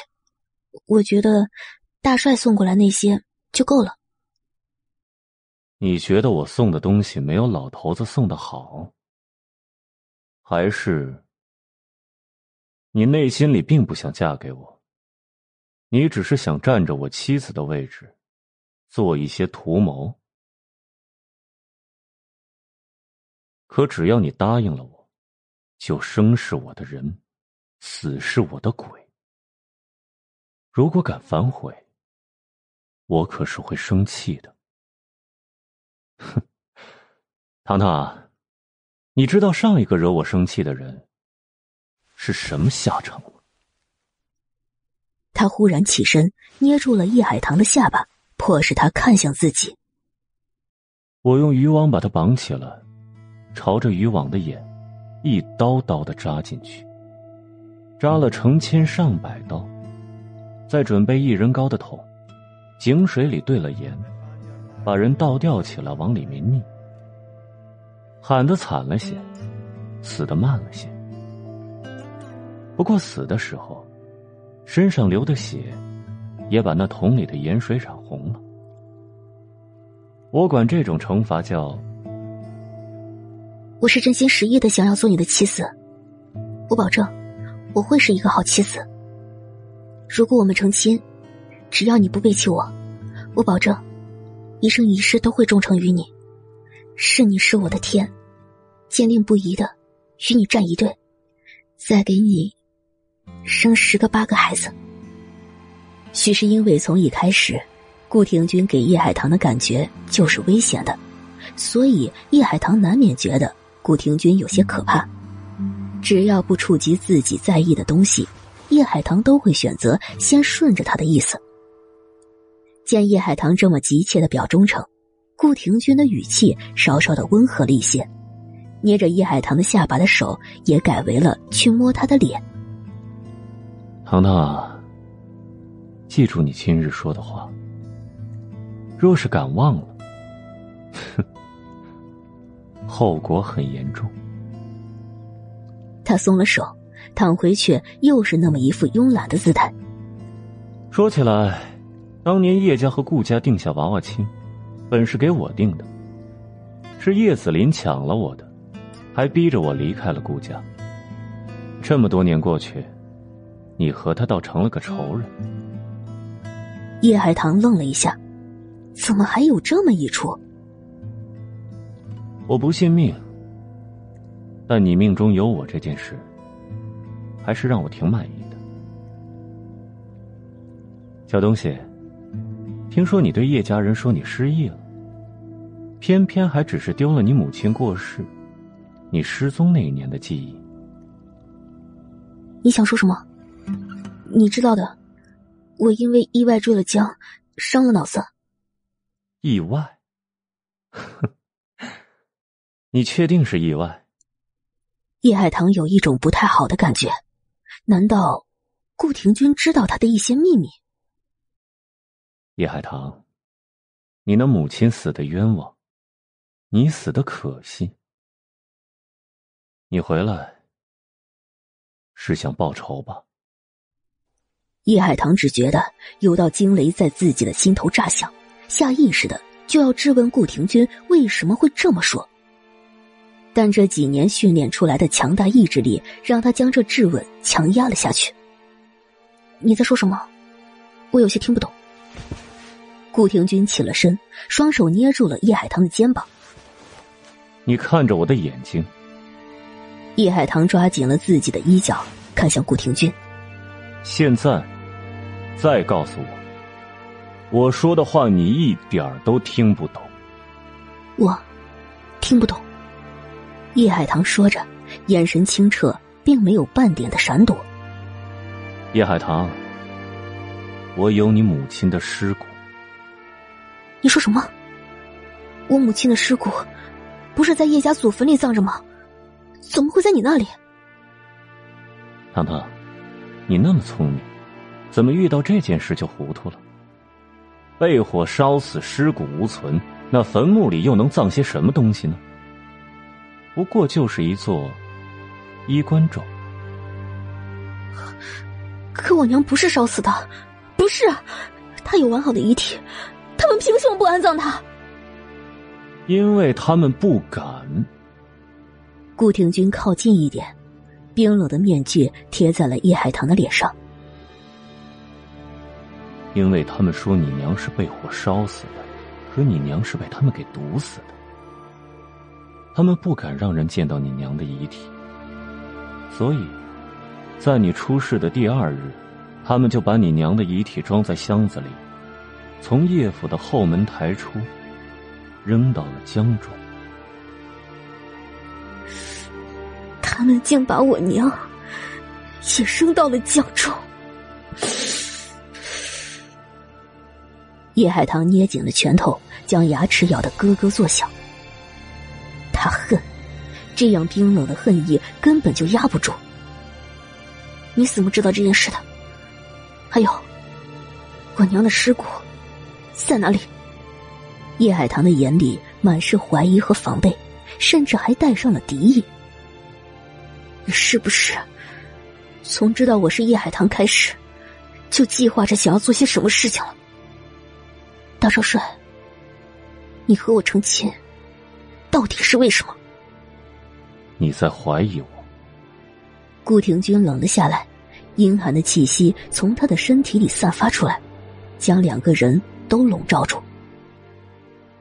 你对我有杀意？我不怕死。你知道我的秘密，但我不知道你为什么知道我的秘密。如果我娘的尸骨真的在你的手里，你居心叵测，就是我的敌人，顾廷钧。就算我的力量不及你，我也会拼死一试。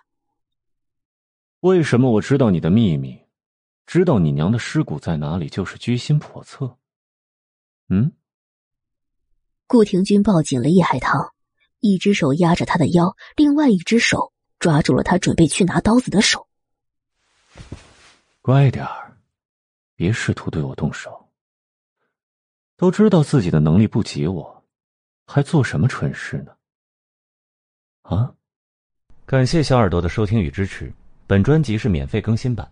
想要解锁收听本作品更多精彩内容，可搜索同名专辑《少帅夫人她又美又飒》，VIP 快更版（括弧真的很快很快哦）。或打开本专辑简介，点击蓝字直达，一次听过瘾。第五十一集，他的面具仍然压着叶海棠的侧脸，薄唇却压在叶海棠的耳朵上，呼出的气息喷吐的那一处，让叶海棠的身体和神经一样的紧张。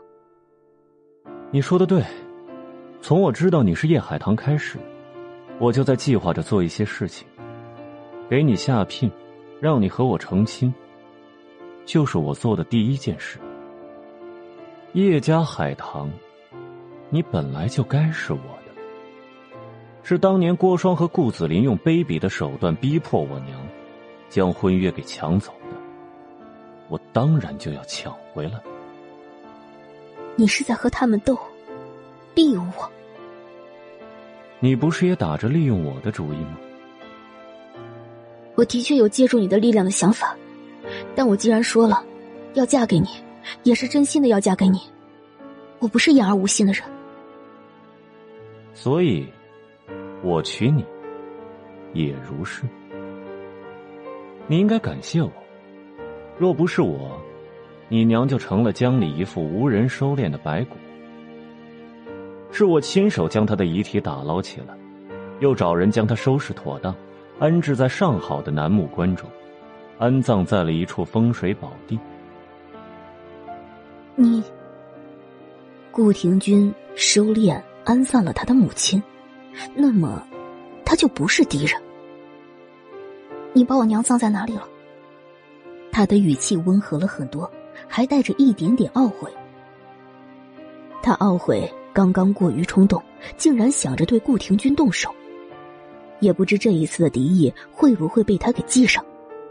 成亲前夕，我会陪你去见他。你为什么？叶海棠有些着急，却也是无可奈何。尽管他与顾廷钧认识还没有几天，但是也知道他决定的事情是不会轻易的更改。他不说，自己现下是无法晓得母亲真正的墓在哪里。你最好不要派人去查，那是一个你想不到的地方。就算查，你也查不到的。不如好好的准备，距离我们成亲也没多少日子了。顾廷钧的手滑到了叶海棠的耳边，捏着她小巧的耳垂，微微偏过头，在她的脸上印下了一个吻。小东西，其实我早就见过你，在我的梦里，你站在水里，白嫩的身子上不挂一丝，只笼着一层薄雾。然后，我走向你。我们，叶海棠的脸唰的就红到了耳根。这个男人，他他竟然做这种梦，还想在梦中把我给 无耻！果真是个不折不扣的冰皮子。你，你别说了。怕什么？他的手放在了叶海棠的脸上，这才将身体退开一些。哼。脸红了，我不过就是说一说，你就羞成这副模样。那如果真的做起来，顾廷钧的视线落到了叶海棠稍稍有些敞开的衣领处，叶海棠往下看了一眼，连忙一手捏紧自己的衣领，还将身体往后缩了缩。你不必这么防着我，成亲前我还不会动你，但是怀疑我。这就是最后一次。他的眼眸一眯，带着不满的警告：“我这人不喜欢总说废话。”言下之意，这话他只会说一次。我知道了。叶海棠好像明白顾廷钧为什么要和他说这些话了，这是知道他心里对他存疑，干脆将这疑惑摆在明面上，先解决了。也好让两个人之后的相处没有间隙，所以顾廷钧真的不是他的敌人，而是有心人。叶海棠走到门口，吩咐守在外面的风鸣和风情：“你们守在院子外面去，不要让任何人靠近。”是主子。风鸣和风情一字不问，马上就去执行叶海棠的命令。第五十二集，叶海棠这才转回来，不敢再往顾廷钧的身边坐，就搬了一把椅子坐在了他的面前。我娘在生意场上雷厉风行，内宅里确实过于温软。当年叶远红与他成亲没多久，就将身怀有孕的雷月香和叶老太太接到了府里。他也不过是伤心了那么一段时日，便也容了他们。可叶思雨自小就自私，且心思不善。不管我得了什么好东西，他都会想尽了办法抢过去。唯有我这叶家嫡女的身份，是他怎么也抢不走的。他便一直对我心生妒恨。因着我是姐姐，娘自小就教导我，要让着他。所有他耍的那些个手段，与我并没有太大的影响。我便也听之任之，稍稍知识一些，便晓得女孩子是要嫁人的，而我要嫁的那个人，是早早的就定下来了的。再加上后来见过了顾子林几回，他端的是一副温和有礼的模样，我便对他开始有了那么几分心思。等相处的多了几次。就认定了他是我的夫君，心心念念的，要等到成了年，就嫁给他。可是后来，三年前，我在叶老太太生辰之前回来，想要给她一个惊喜。老太太从来对我都只有一张冷脸，还常常没有缘由的责骂。将我的东西抢了过去，送给叶思雨等等。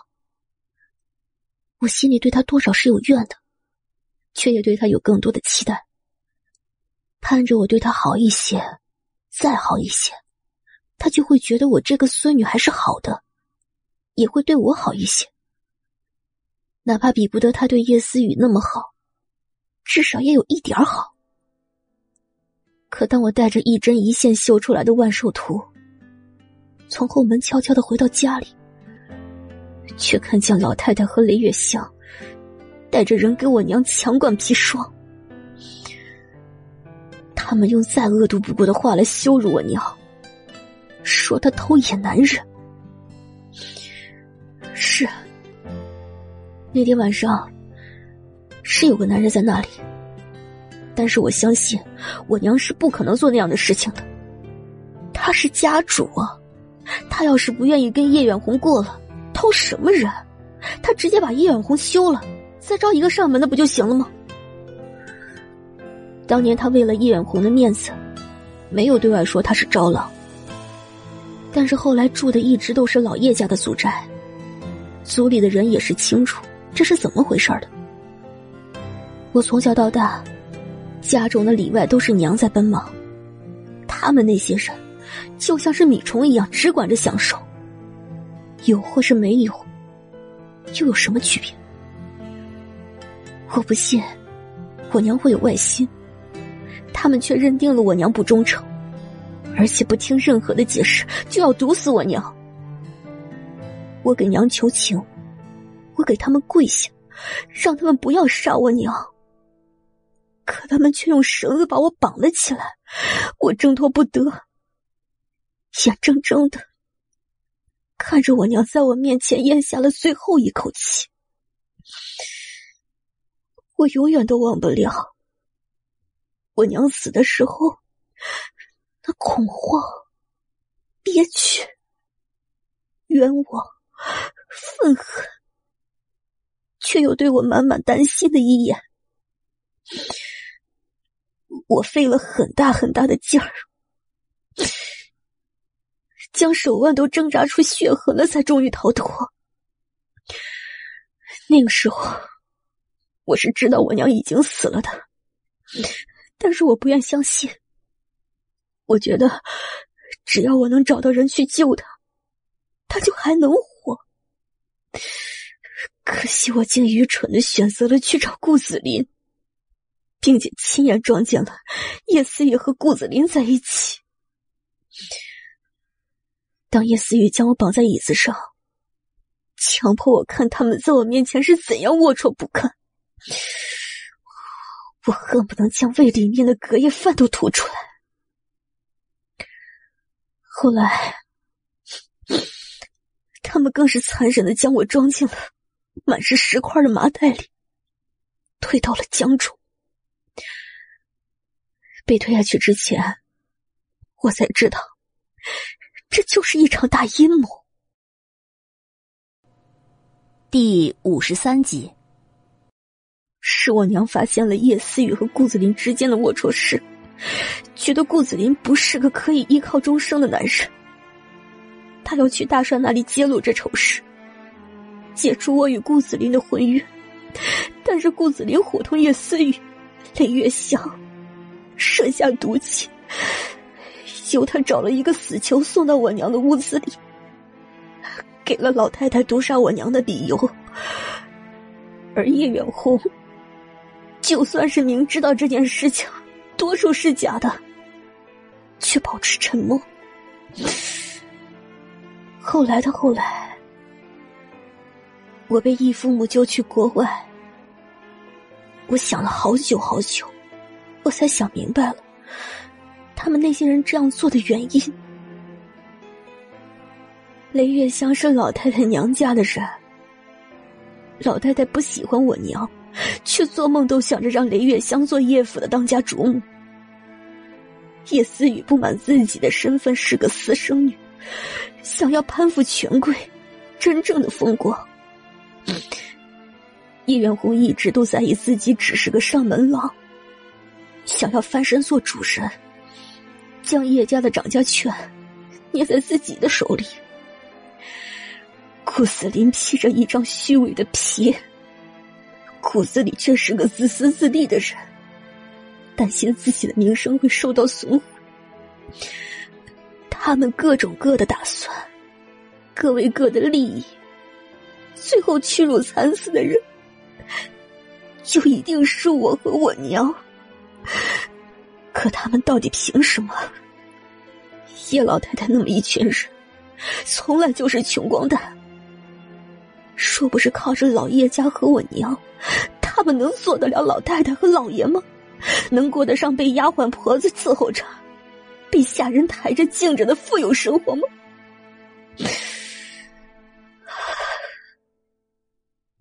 我的确就是回来报仇的，因为他们贪心不足，谋财害命。我与他们从此有杀母之仇，夺家之恨。这辈子不让他们为自己的罪行付出该有的代价，就枉费了老天爷给我一次重活的机会。大少帅，在江边遇到你，的确是个意外。我承认。当时救你，多数也是因为怕你。我身负血海深仇，并不是一个梁山的人。你到叶家来说要娶我，我惧怕你的威压，心里也想着借你的力量来报仇。我是有私心的，但是今日我把我的仇告诉你，嫁给你。我是真心的，仇我也是一定要报的。如果你愿意帮我一把，我定会报答你。你便是不愿意帮我，只要不阻我报仇，也可。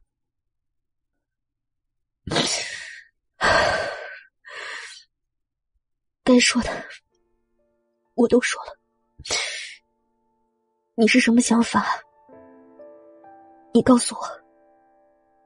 将这些事情全盘托出之后，叶海棠攥紧了自己的衣角，有些紧张的盯着顾廷君。他说了这么多，也是信任他才说的，尽管他自己都还没搞清楚为什么如此轻易的就信了他。但是却又担心他将自己最大的秘密听了去，万一……你的计划，就是在老太太的寿宴上给她送座钟，正式与他们开战。为了打消他们对你的怀疑，降低对你的防备，你假装自己失忆。是，这是第一步，已经走完了。第二步。是与他们断了关系，方便我对他们下手而无任何的顾忌。这一步，我预计是需要些时日的。毕竟我一个做小辈的，做女儿的，要和他们断关系，惹人非议不说，他们也未必肯。是以，我才抛出了一个分家的意思，想要寻寻图纸。第五十四集，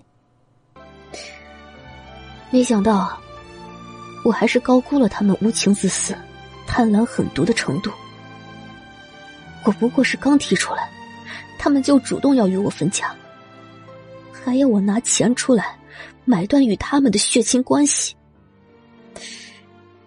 那分家书上条条款款，皆是他们对我的欺压，可我答应了。我抬出了我娘与叶远红成亲时候写下那封休书，也答应了分家书上的种种条件。当然，也不能全让他们占了好处去。我玩了一点文字游戏，挖了几个坑给他们。你做的很好，糖糖。快刀斩乱麻，干净利落，不错。叶海棠松了一口气。大少帅，他再次开口，却发现顾廷君的眼睛里有些不满，连忙改了口：“廷君，其实我这么做，的确也会损毁一些名声。我在国外几年，国外的风气或许相对自由一些。若是父母对子女不好，子女也可以对父母不好。但是在国内，那些个迂腐的人依然会批判我，也可能。”会因此影响到你。无妨，你都不在意的东西，我在意什么？外面把他传成了吃人心的活阎王，他又何曾在意过？你把头靠过来。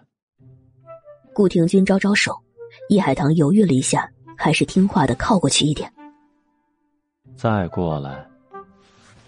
叶海棠再靠过去一点。再过，算了。顾廷君轻身上前，伸出手，刚好就勾住了叶海棠的脖子，将他往怀里一带，准确无误的吻上了叶海棠的唇瓣，吓得叶海棠将身子一缩，心猛地提了上来。还在正经的谈事情呢，顾廷君就又不正经了，他却只是蜻蜓点水的吻了一下，就退了开来，往那软榻上一躺。回到了那慵懒的姿态。你很诚实，这是给你的奖励。我不会阻你报仇，我会帮你一起报仇。你将会是我的妻子，夫妻本一体。你的事情，就是我的事情。对叶家的人，你下不了手的时候，我来。对顾子林，你虐渣，我上位，我们的目标也是一致的。事成之后，你记得要给我生孩子，十个八个就算了，孩子多了吵得很。嗯，两个就够。与此同时，顾家，你说什么？大帅给叶海棠的聘礼是之前给你的好几倍，顾廷君那个杂种还单独给了叶海棠十箱金条。郭双听了这话，脸色唰的一下就阴沉了下来。这是真的？之前顾子林坚持要娶叶思雨，他寻思着叶家就只有一个女儿了，又没生儿子，等叶家的那几个老的去了，财产什么的就是叶思雨的。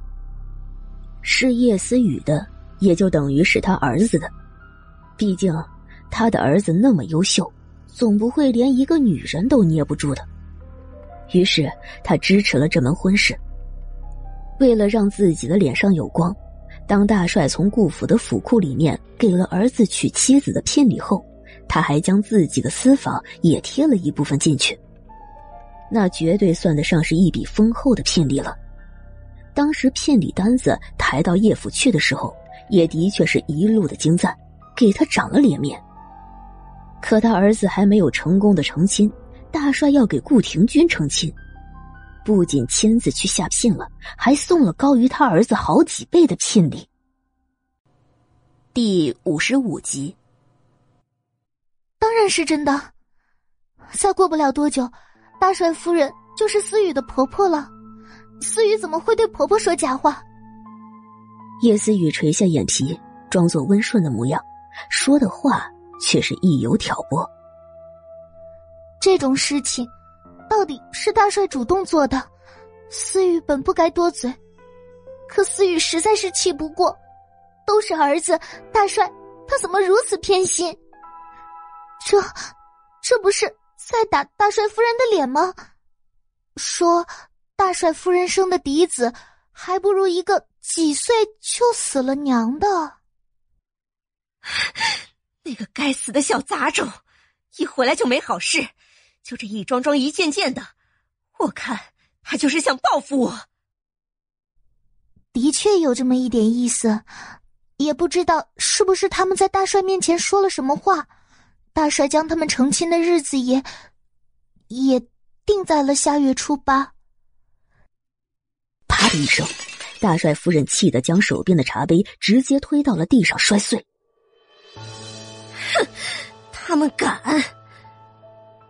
有什么不敢的？大帅夫人是不晓得我那姐姐这次回来以后有多么的嚣张。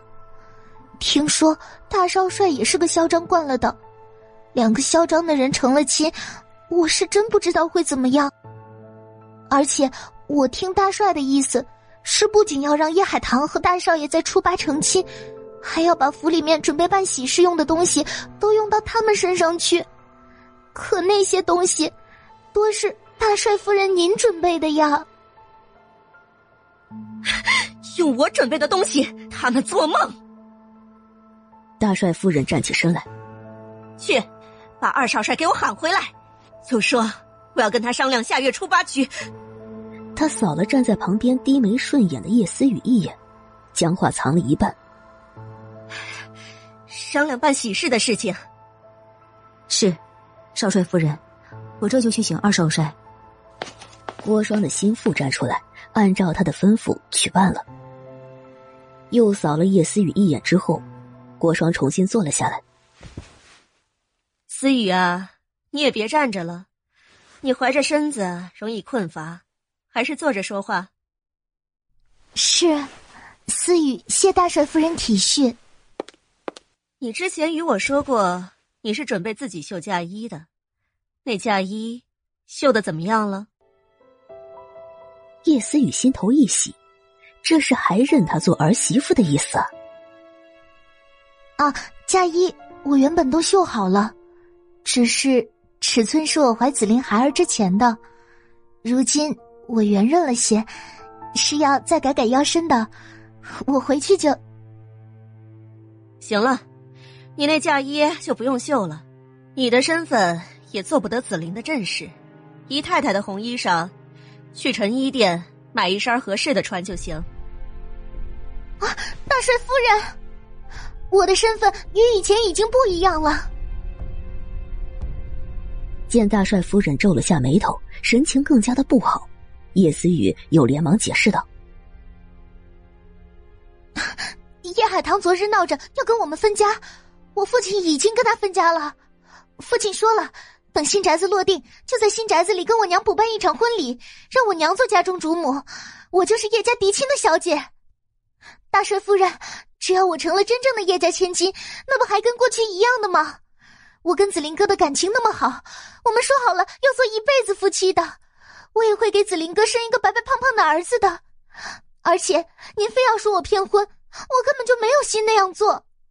我和紫林哥说要成亲的时候，谁都知道叶静兰和叶海棠都死了，我父亲只有我娘一个女人，只我一个女儿，我们就是家里的主子，不过是没有将身份落实。我们也都以为以大帅和大帅夫人的开明，这事情也是不打紧的。叶思雨，做人要懂得知足。你们分家是个什么情况，我已经知道了。做事情不考虑周全，弄了自己一身的脏臭，却还以为自己做的好不成？紫菱若是娶你做正妻，岂不是会平白受你连累，毁了名声？可可大帅夫人说，之前是因为我的身份。第五十六集，叶思雨捏紧了自己的裙角，对郭双又气又恨，可他到底不敢对郭双说什么重话。我很快就会成为正经的千金小姐，足以配得上紫菱。正经的千金小姐，靠偷靠骗得来的千金小姐，哼，在我面前就不要说这种自欺欺人的话。叶思雨，我实话跟你说，我儿子说要和你成亲的时候，我就没有看上你，但那个时候我儿子喜欢你，而你身上。也还没有什么污点，我也就由着我儿子娶了也就娶了。可如今围绕着你的丑事一件接着一件，你又凭什么还配得上我儿子？又或者，你当我郭双说出口的话是放屁？我告诉你，我说了，给你的位置只有姨太太。你如果愿意，就乖乖的进门，好好的伺候我儿子。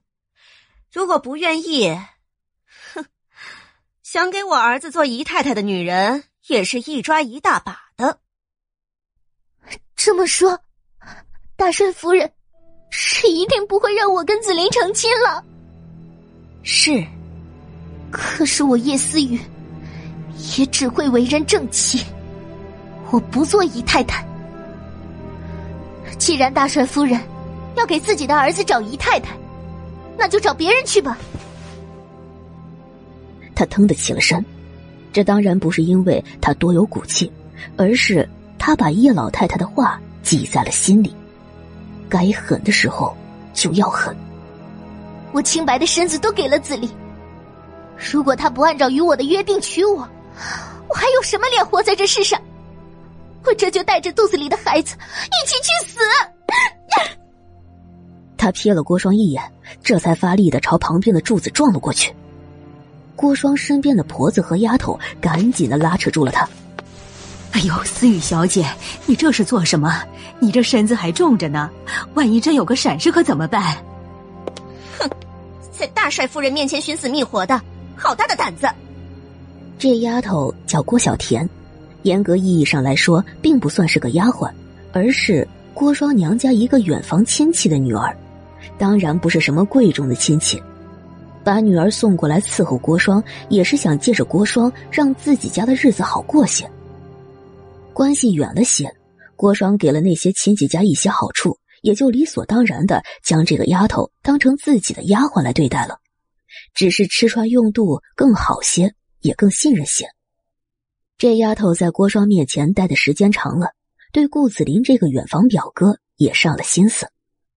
从前顾子林和叶海棠见面的时候，他都使过绊子，如今更是瞧不起叶思雨，尤其是他还是摸清了郭双根本就不待见叶思雨的心思。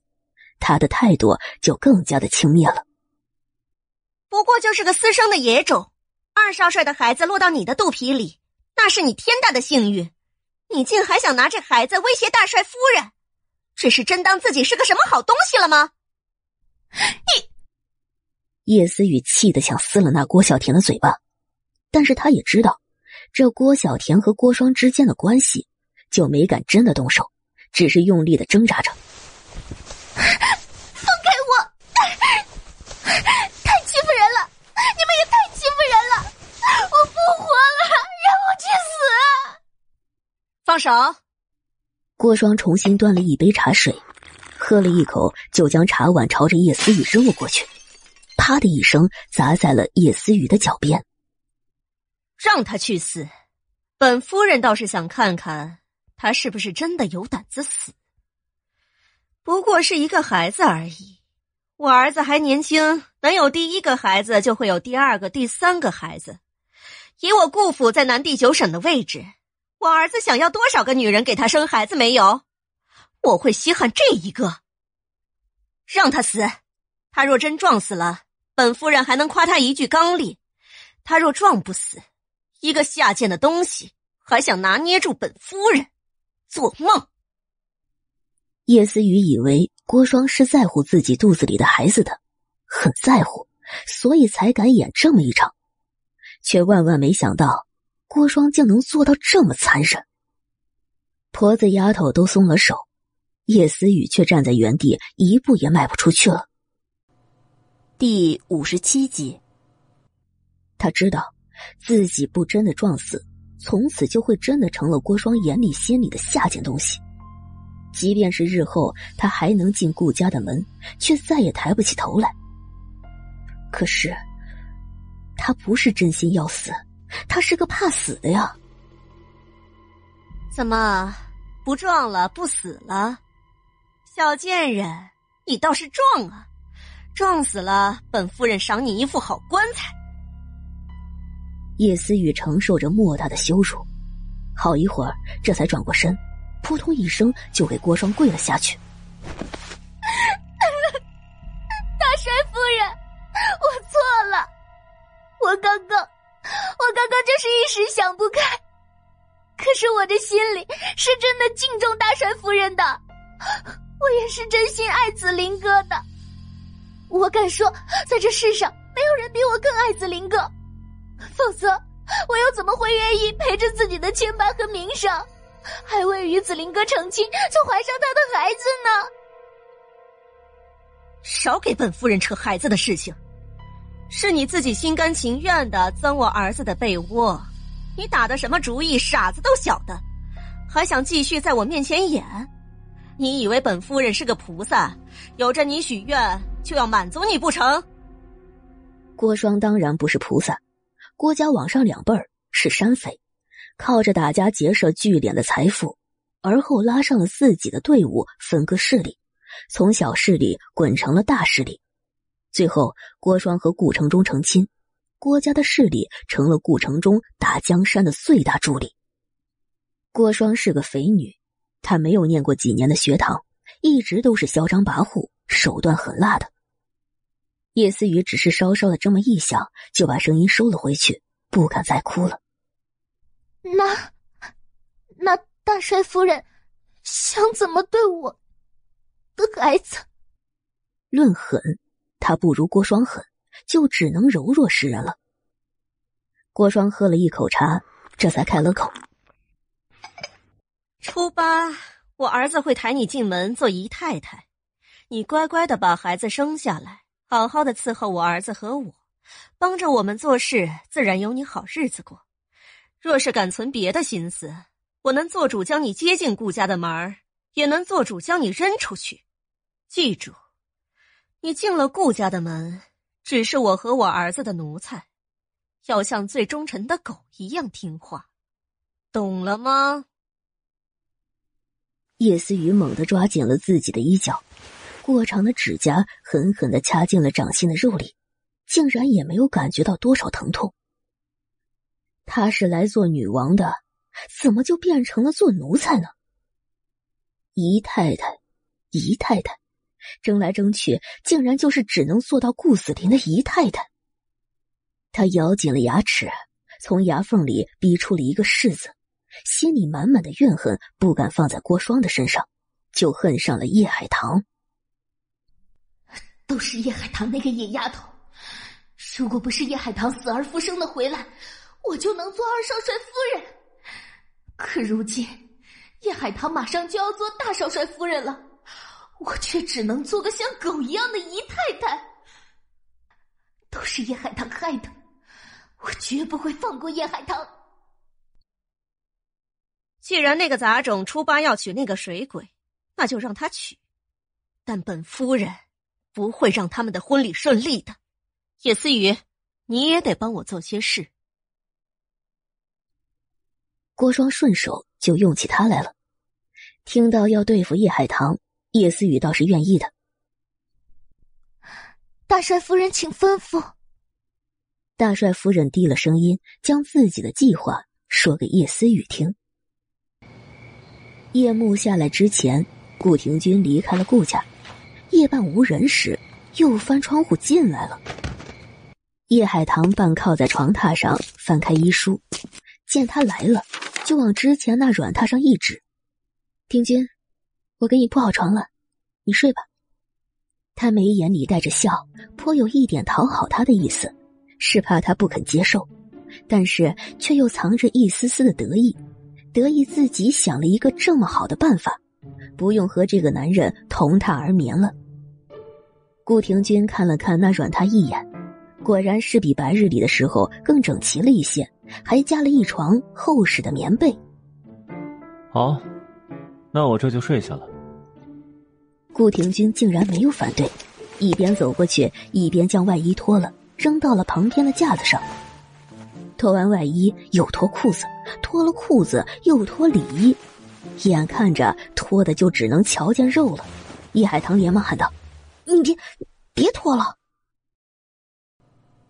第五十八集，顾廷钧的动作停了一下，嘴角勾起了一抹邪魅的弧度，却加快了速度，将上身脱得不挂一丝。转身的瞬间，隐去了那一抹弧度，一本正经的问道。别脱什么？衣服，还是裤子？糖糖，我要睡觉，自然是要脱的。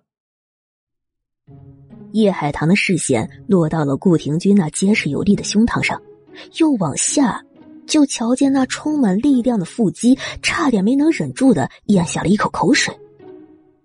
听说过女人活色生香的，没听说过男人也能这么的诱人。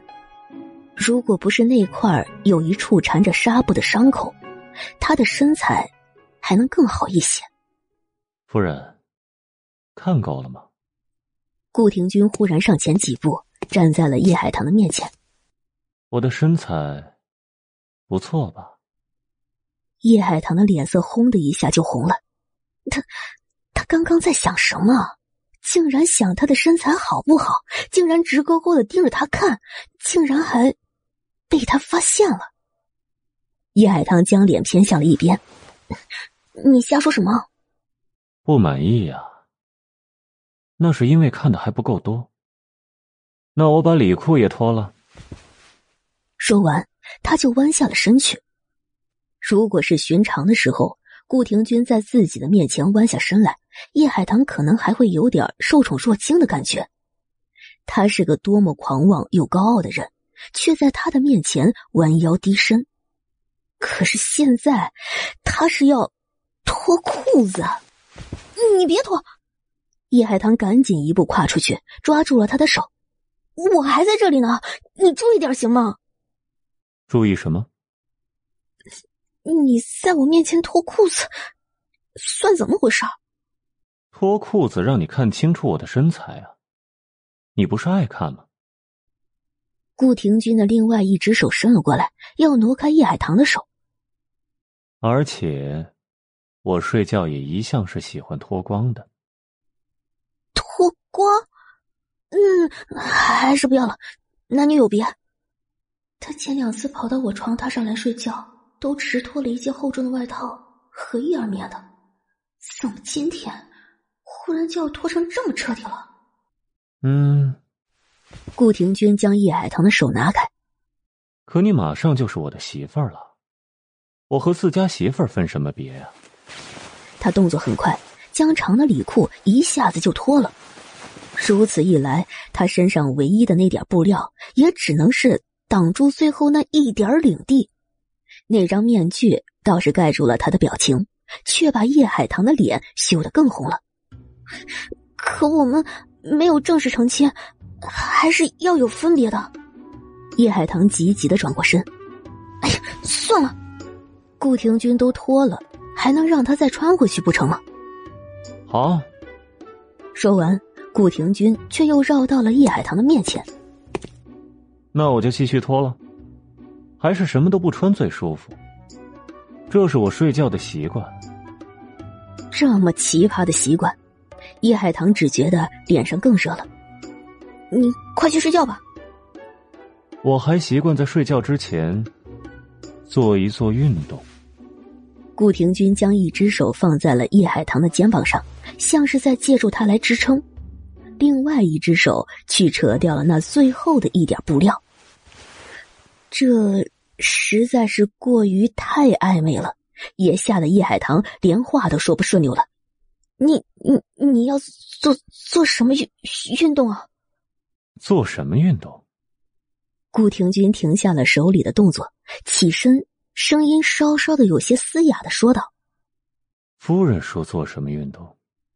叶海棠慌的往后退，他的手却挪到了叶海棠的后腰处，反而将他往自己的怀里一带。叶海棠的脸就挨着他那张冰冷的面具。你，第五十九集。你别乱喊，我还不是你夫人。的确不是。可是小东西，你的脸是不是也太红了点怎么，又害羞了？他伸出一根手指，戳了戳叶海棠的脸。怕我对你做运动？顾廷君松开手。哼。其实我说的运动是练飞镖，那些个东西没带了，不练了。他转身要走，却又忽然回过头来。小东西，你以为我要做的运动是什么？你以为我是要？我也以为是你要热热身，睡觉前热热身，睡得更安稳。嗯，对，就是这样。这个时候，叶海棠再不明白这个男人只是在捉弄他，那他就是个傻的。该死的大少帅，这该死的恶犬！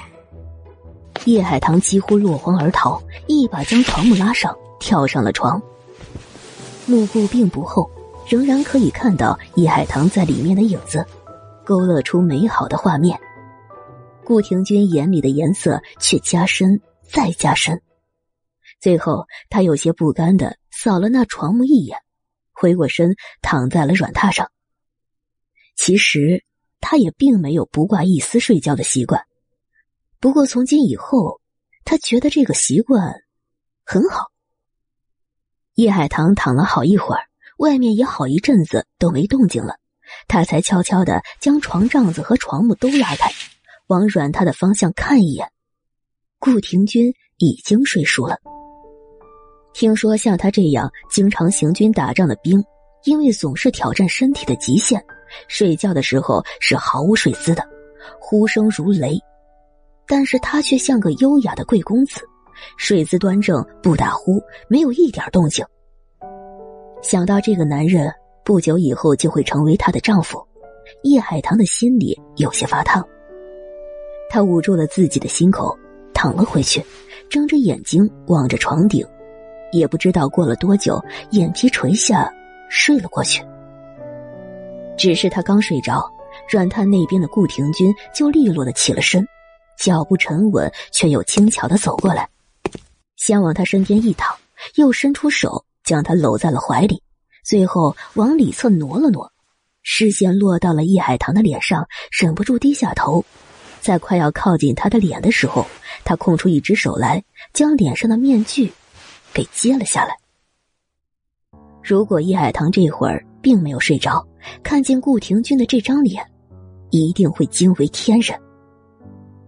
一个杀伐果决、性情阴晴不定的活阎王，却生着一张颠倒众生的脸，阴冷、高贵、邪性，魅惑人间，万种风情，在他的脸上矛盾的存在着，却又无比的和谐。如果美貌不分男女，叶海棠自然是美貌的，属于女子的温柔有大气的美。可是顾廷君也是美的，却是介于男人的阳刚和女人的阴柔之间那种美，惊心动魄，让人轻而易举的就会为之迷醉。顾廷君就顶着这样一张脸，再次的靠近叶海棠，在他的额头上亲了一下，小东西。你好像不太喜欢我这张面具，无妨，等我们成亲那天，我就拿下了。他收了收手臂，满意的睡了。叶海棠只觉得刚开始的时候睡得并不安稳，做了三年来一直都在做的噩梦，在冰冷的江水里绝望的等死。可是这梦做到一半的时候，忽然有双手将他拉扯了一下。然后他就觉得自己被什么温暖的东西所包围了，噩梦散去，安稳而眠。但是第二日天还没亮，他却已经醒了，一睁开眼睛就瞧见眼前有一张脸，迷迷糊糊的闭上，想到了什么，又再次的睁开，真的有一张戴着面具的脸。你，你，你，你，你，你，你，廷君，你怎么会在我的床上？第六十集，你昨天晚上梦游，哭着喊着说冷，主动爬到我的榻上来，还一个劲儿的往我身上贴，差点把我给挤下去。我没办法，只好抱着你到这大床上来睡喽。这不可能，我从来没有梦游的毛病。叶海棠通过撩开一半的床木和床帐，看了一眼屋子里仍然燃烧的旺盛的炭笼子，表示怀疑。是吗？顾廷君将双手往脑后一放，一副悠闲的模样。可你说的是水下了？水下？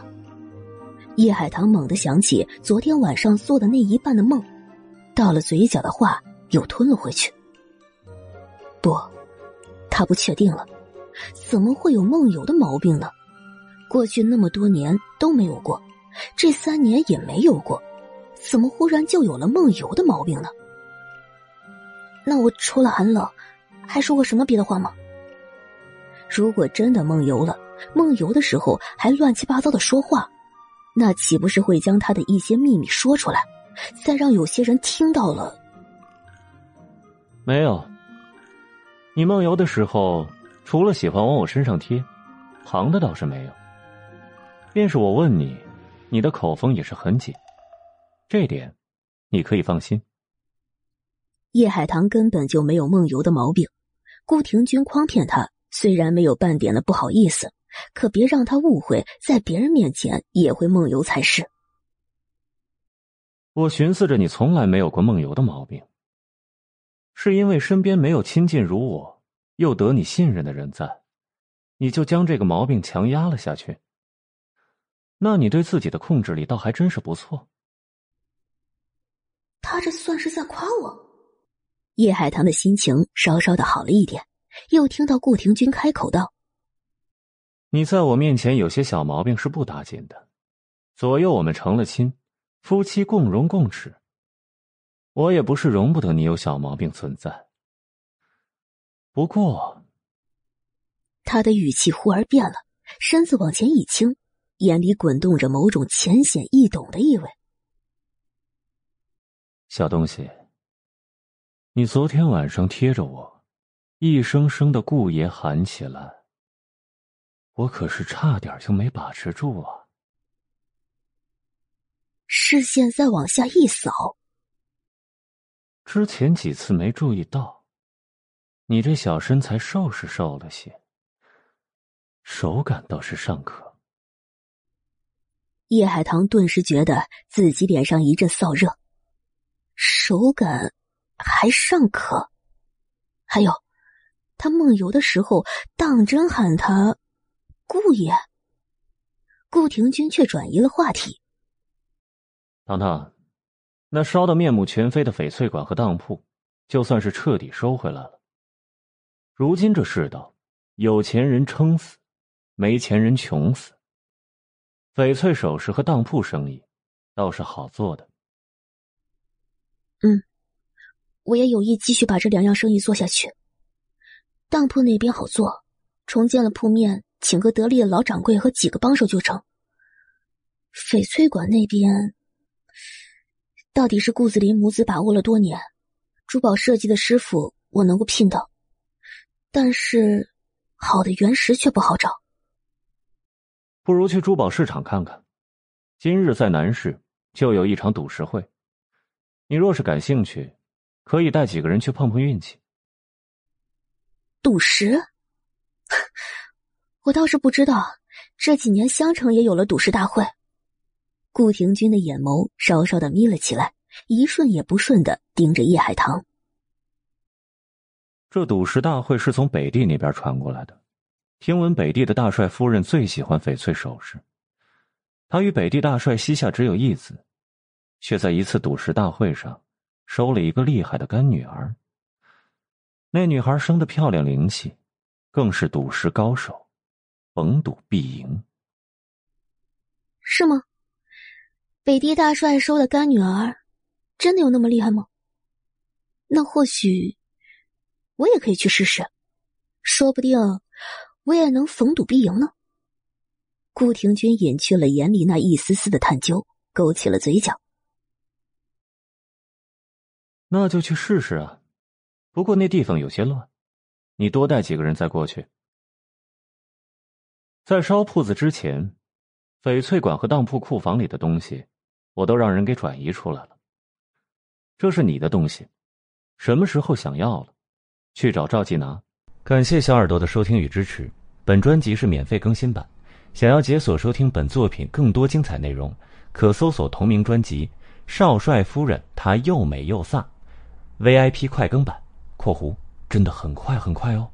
或打开本专辑简介，点击蓝字直达，一次听过瘾。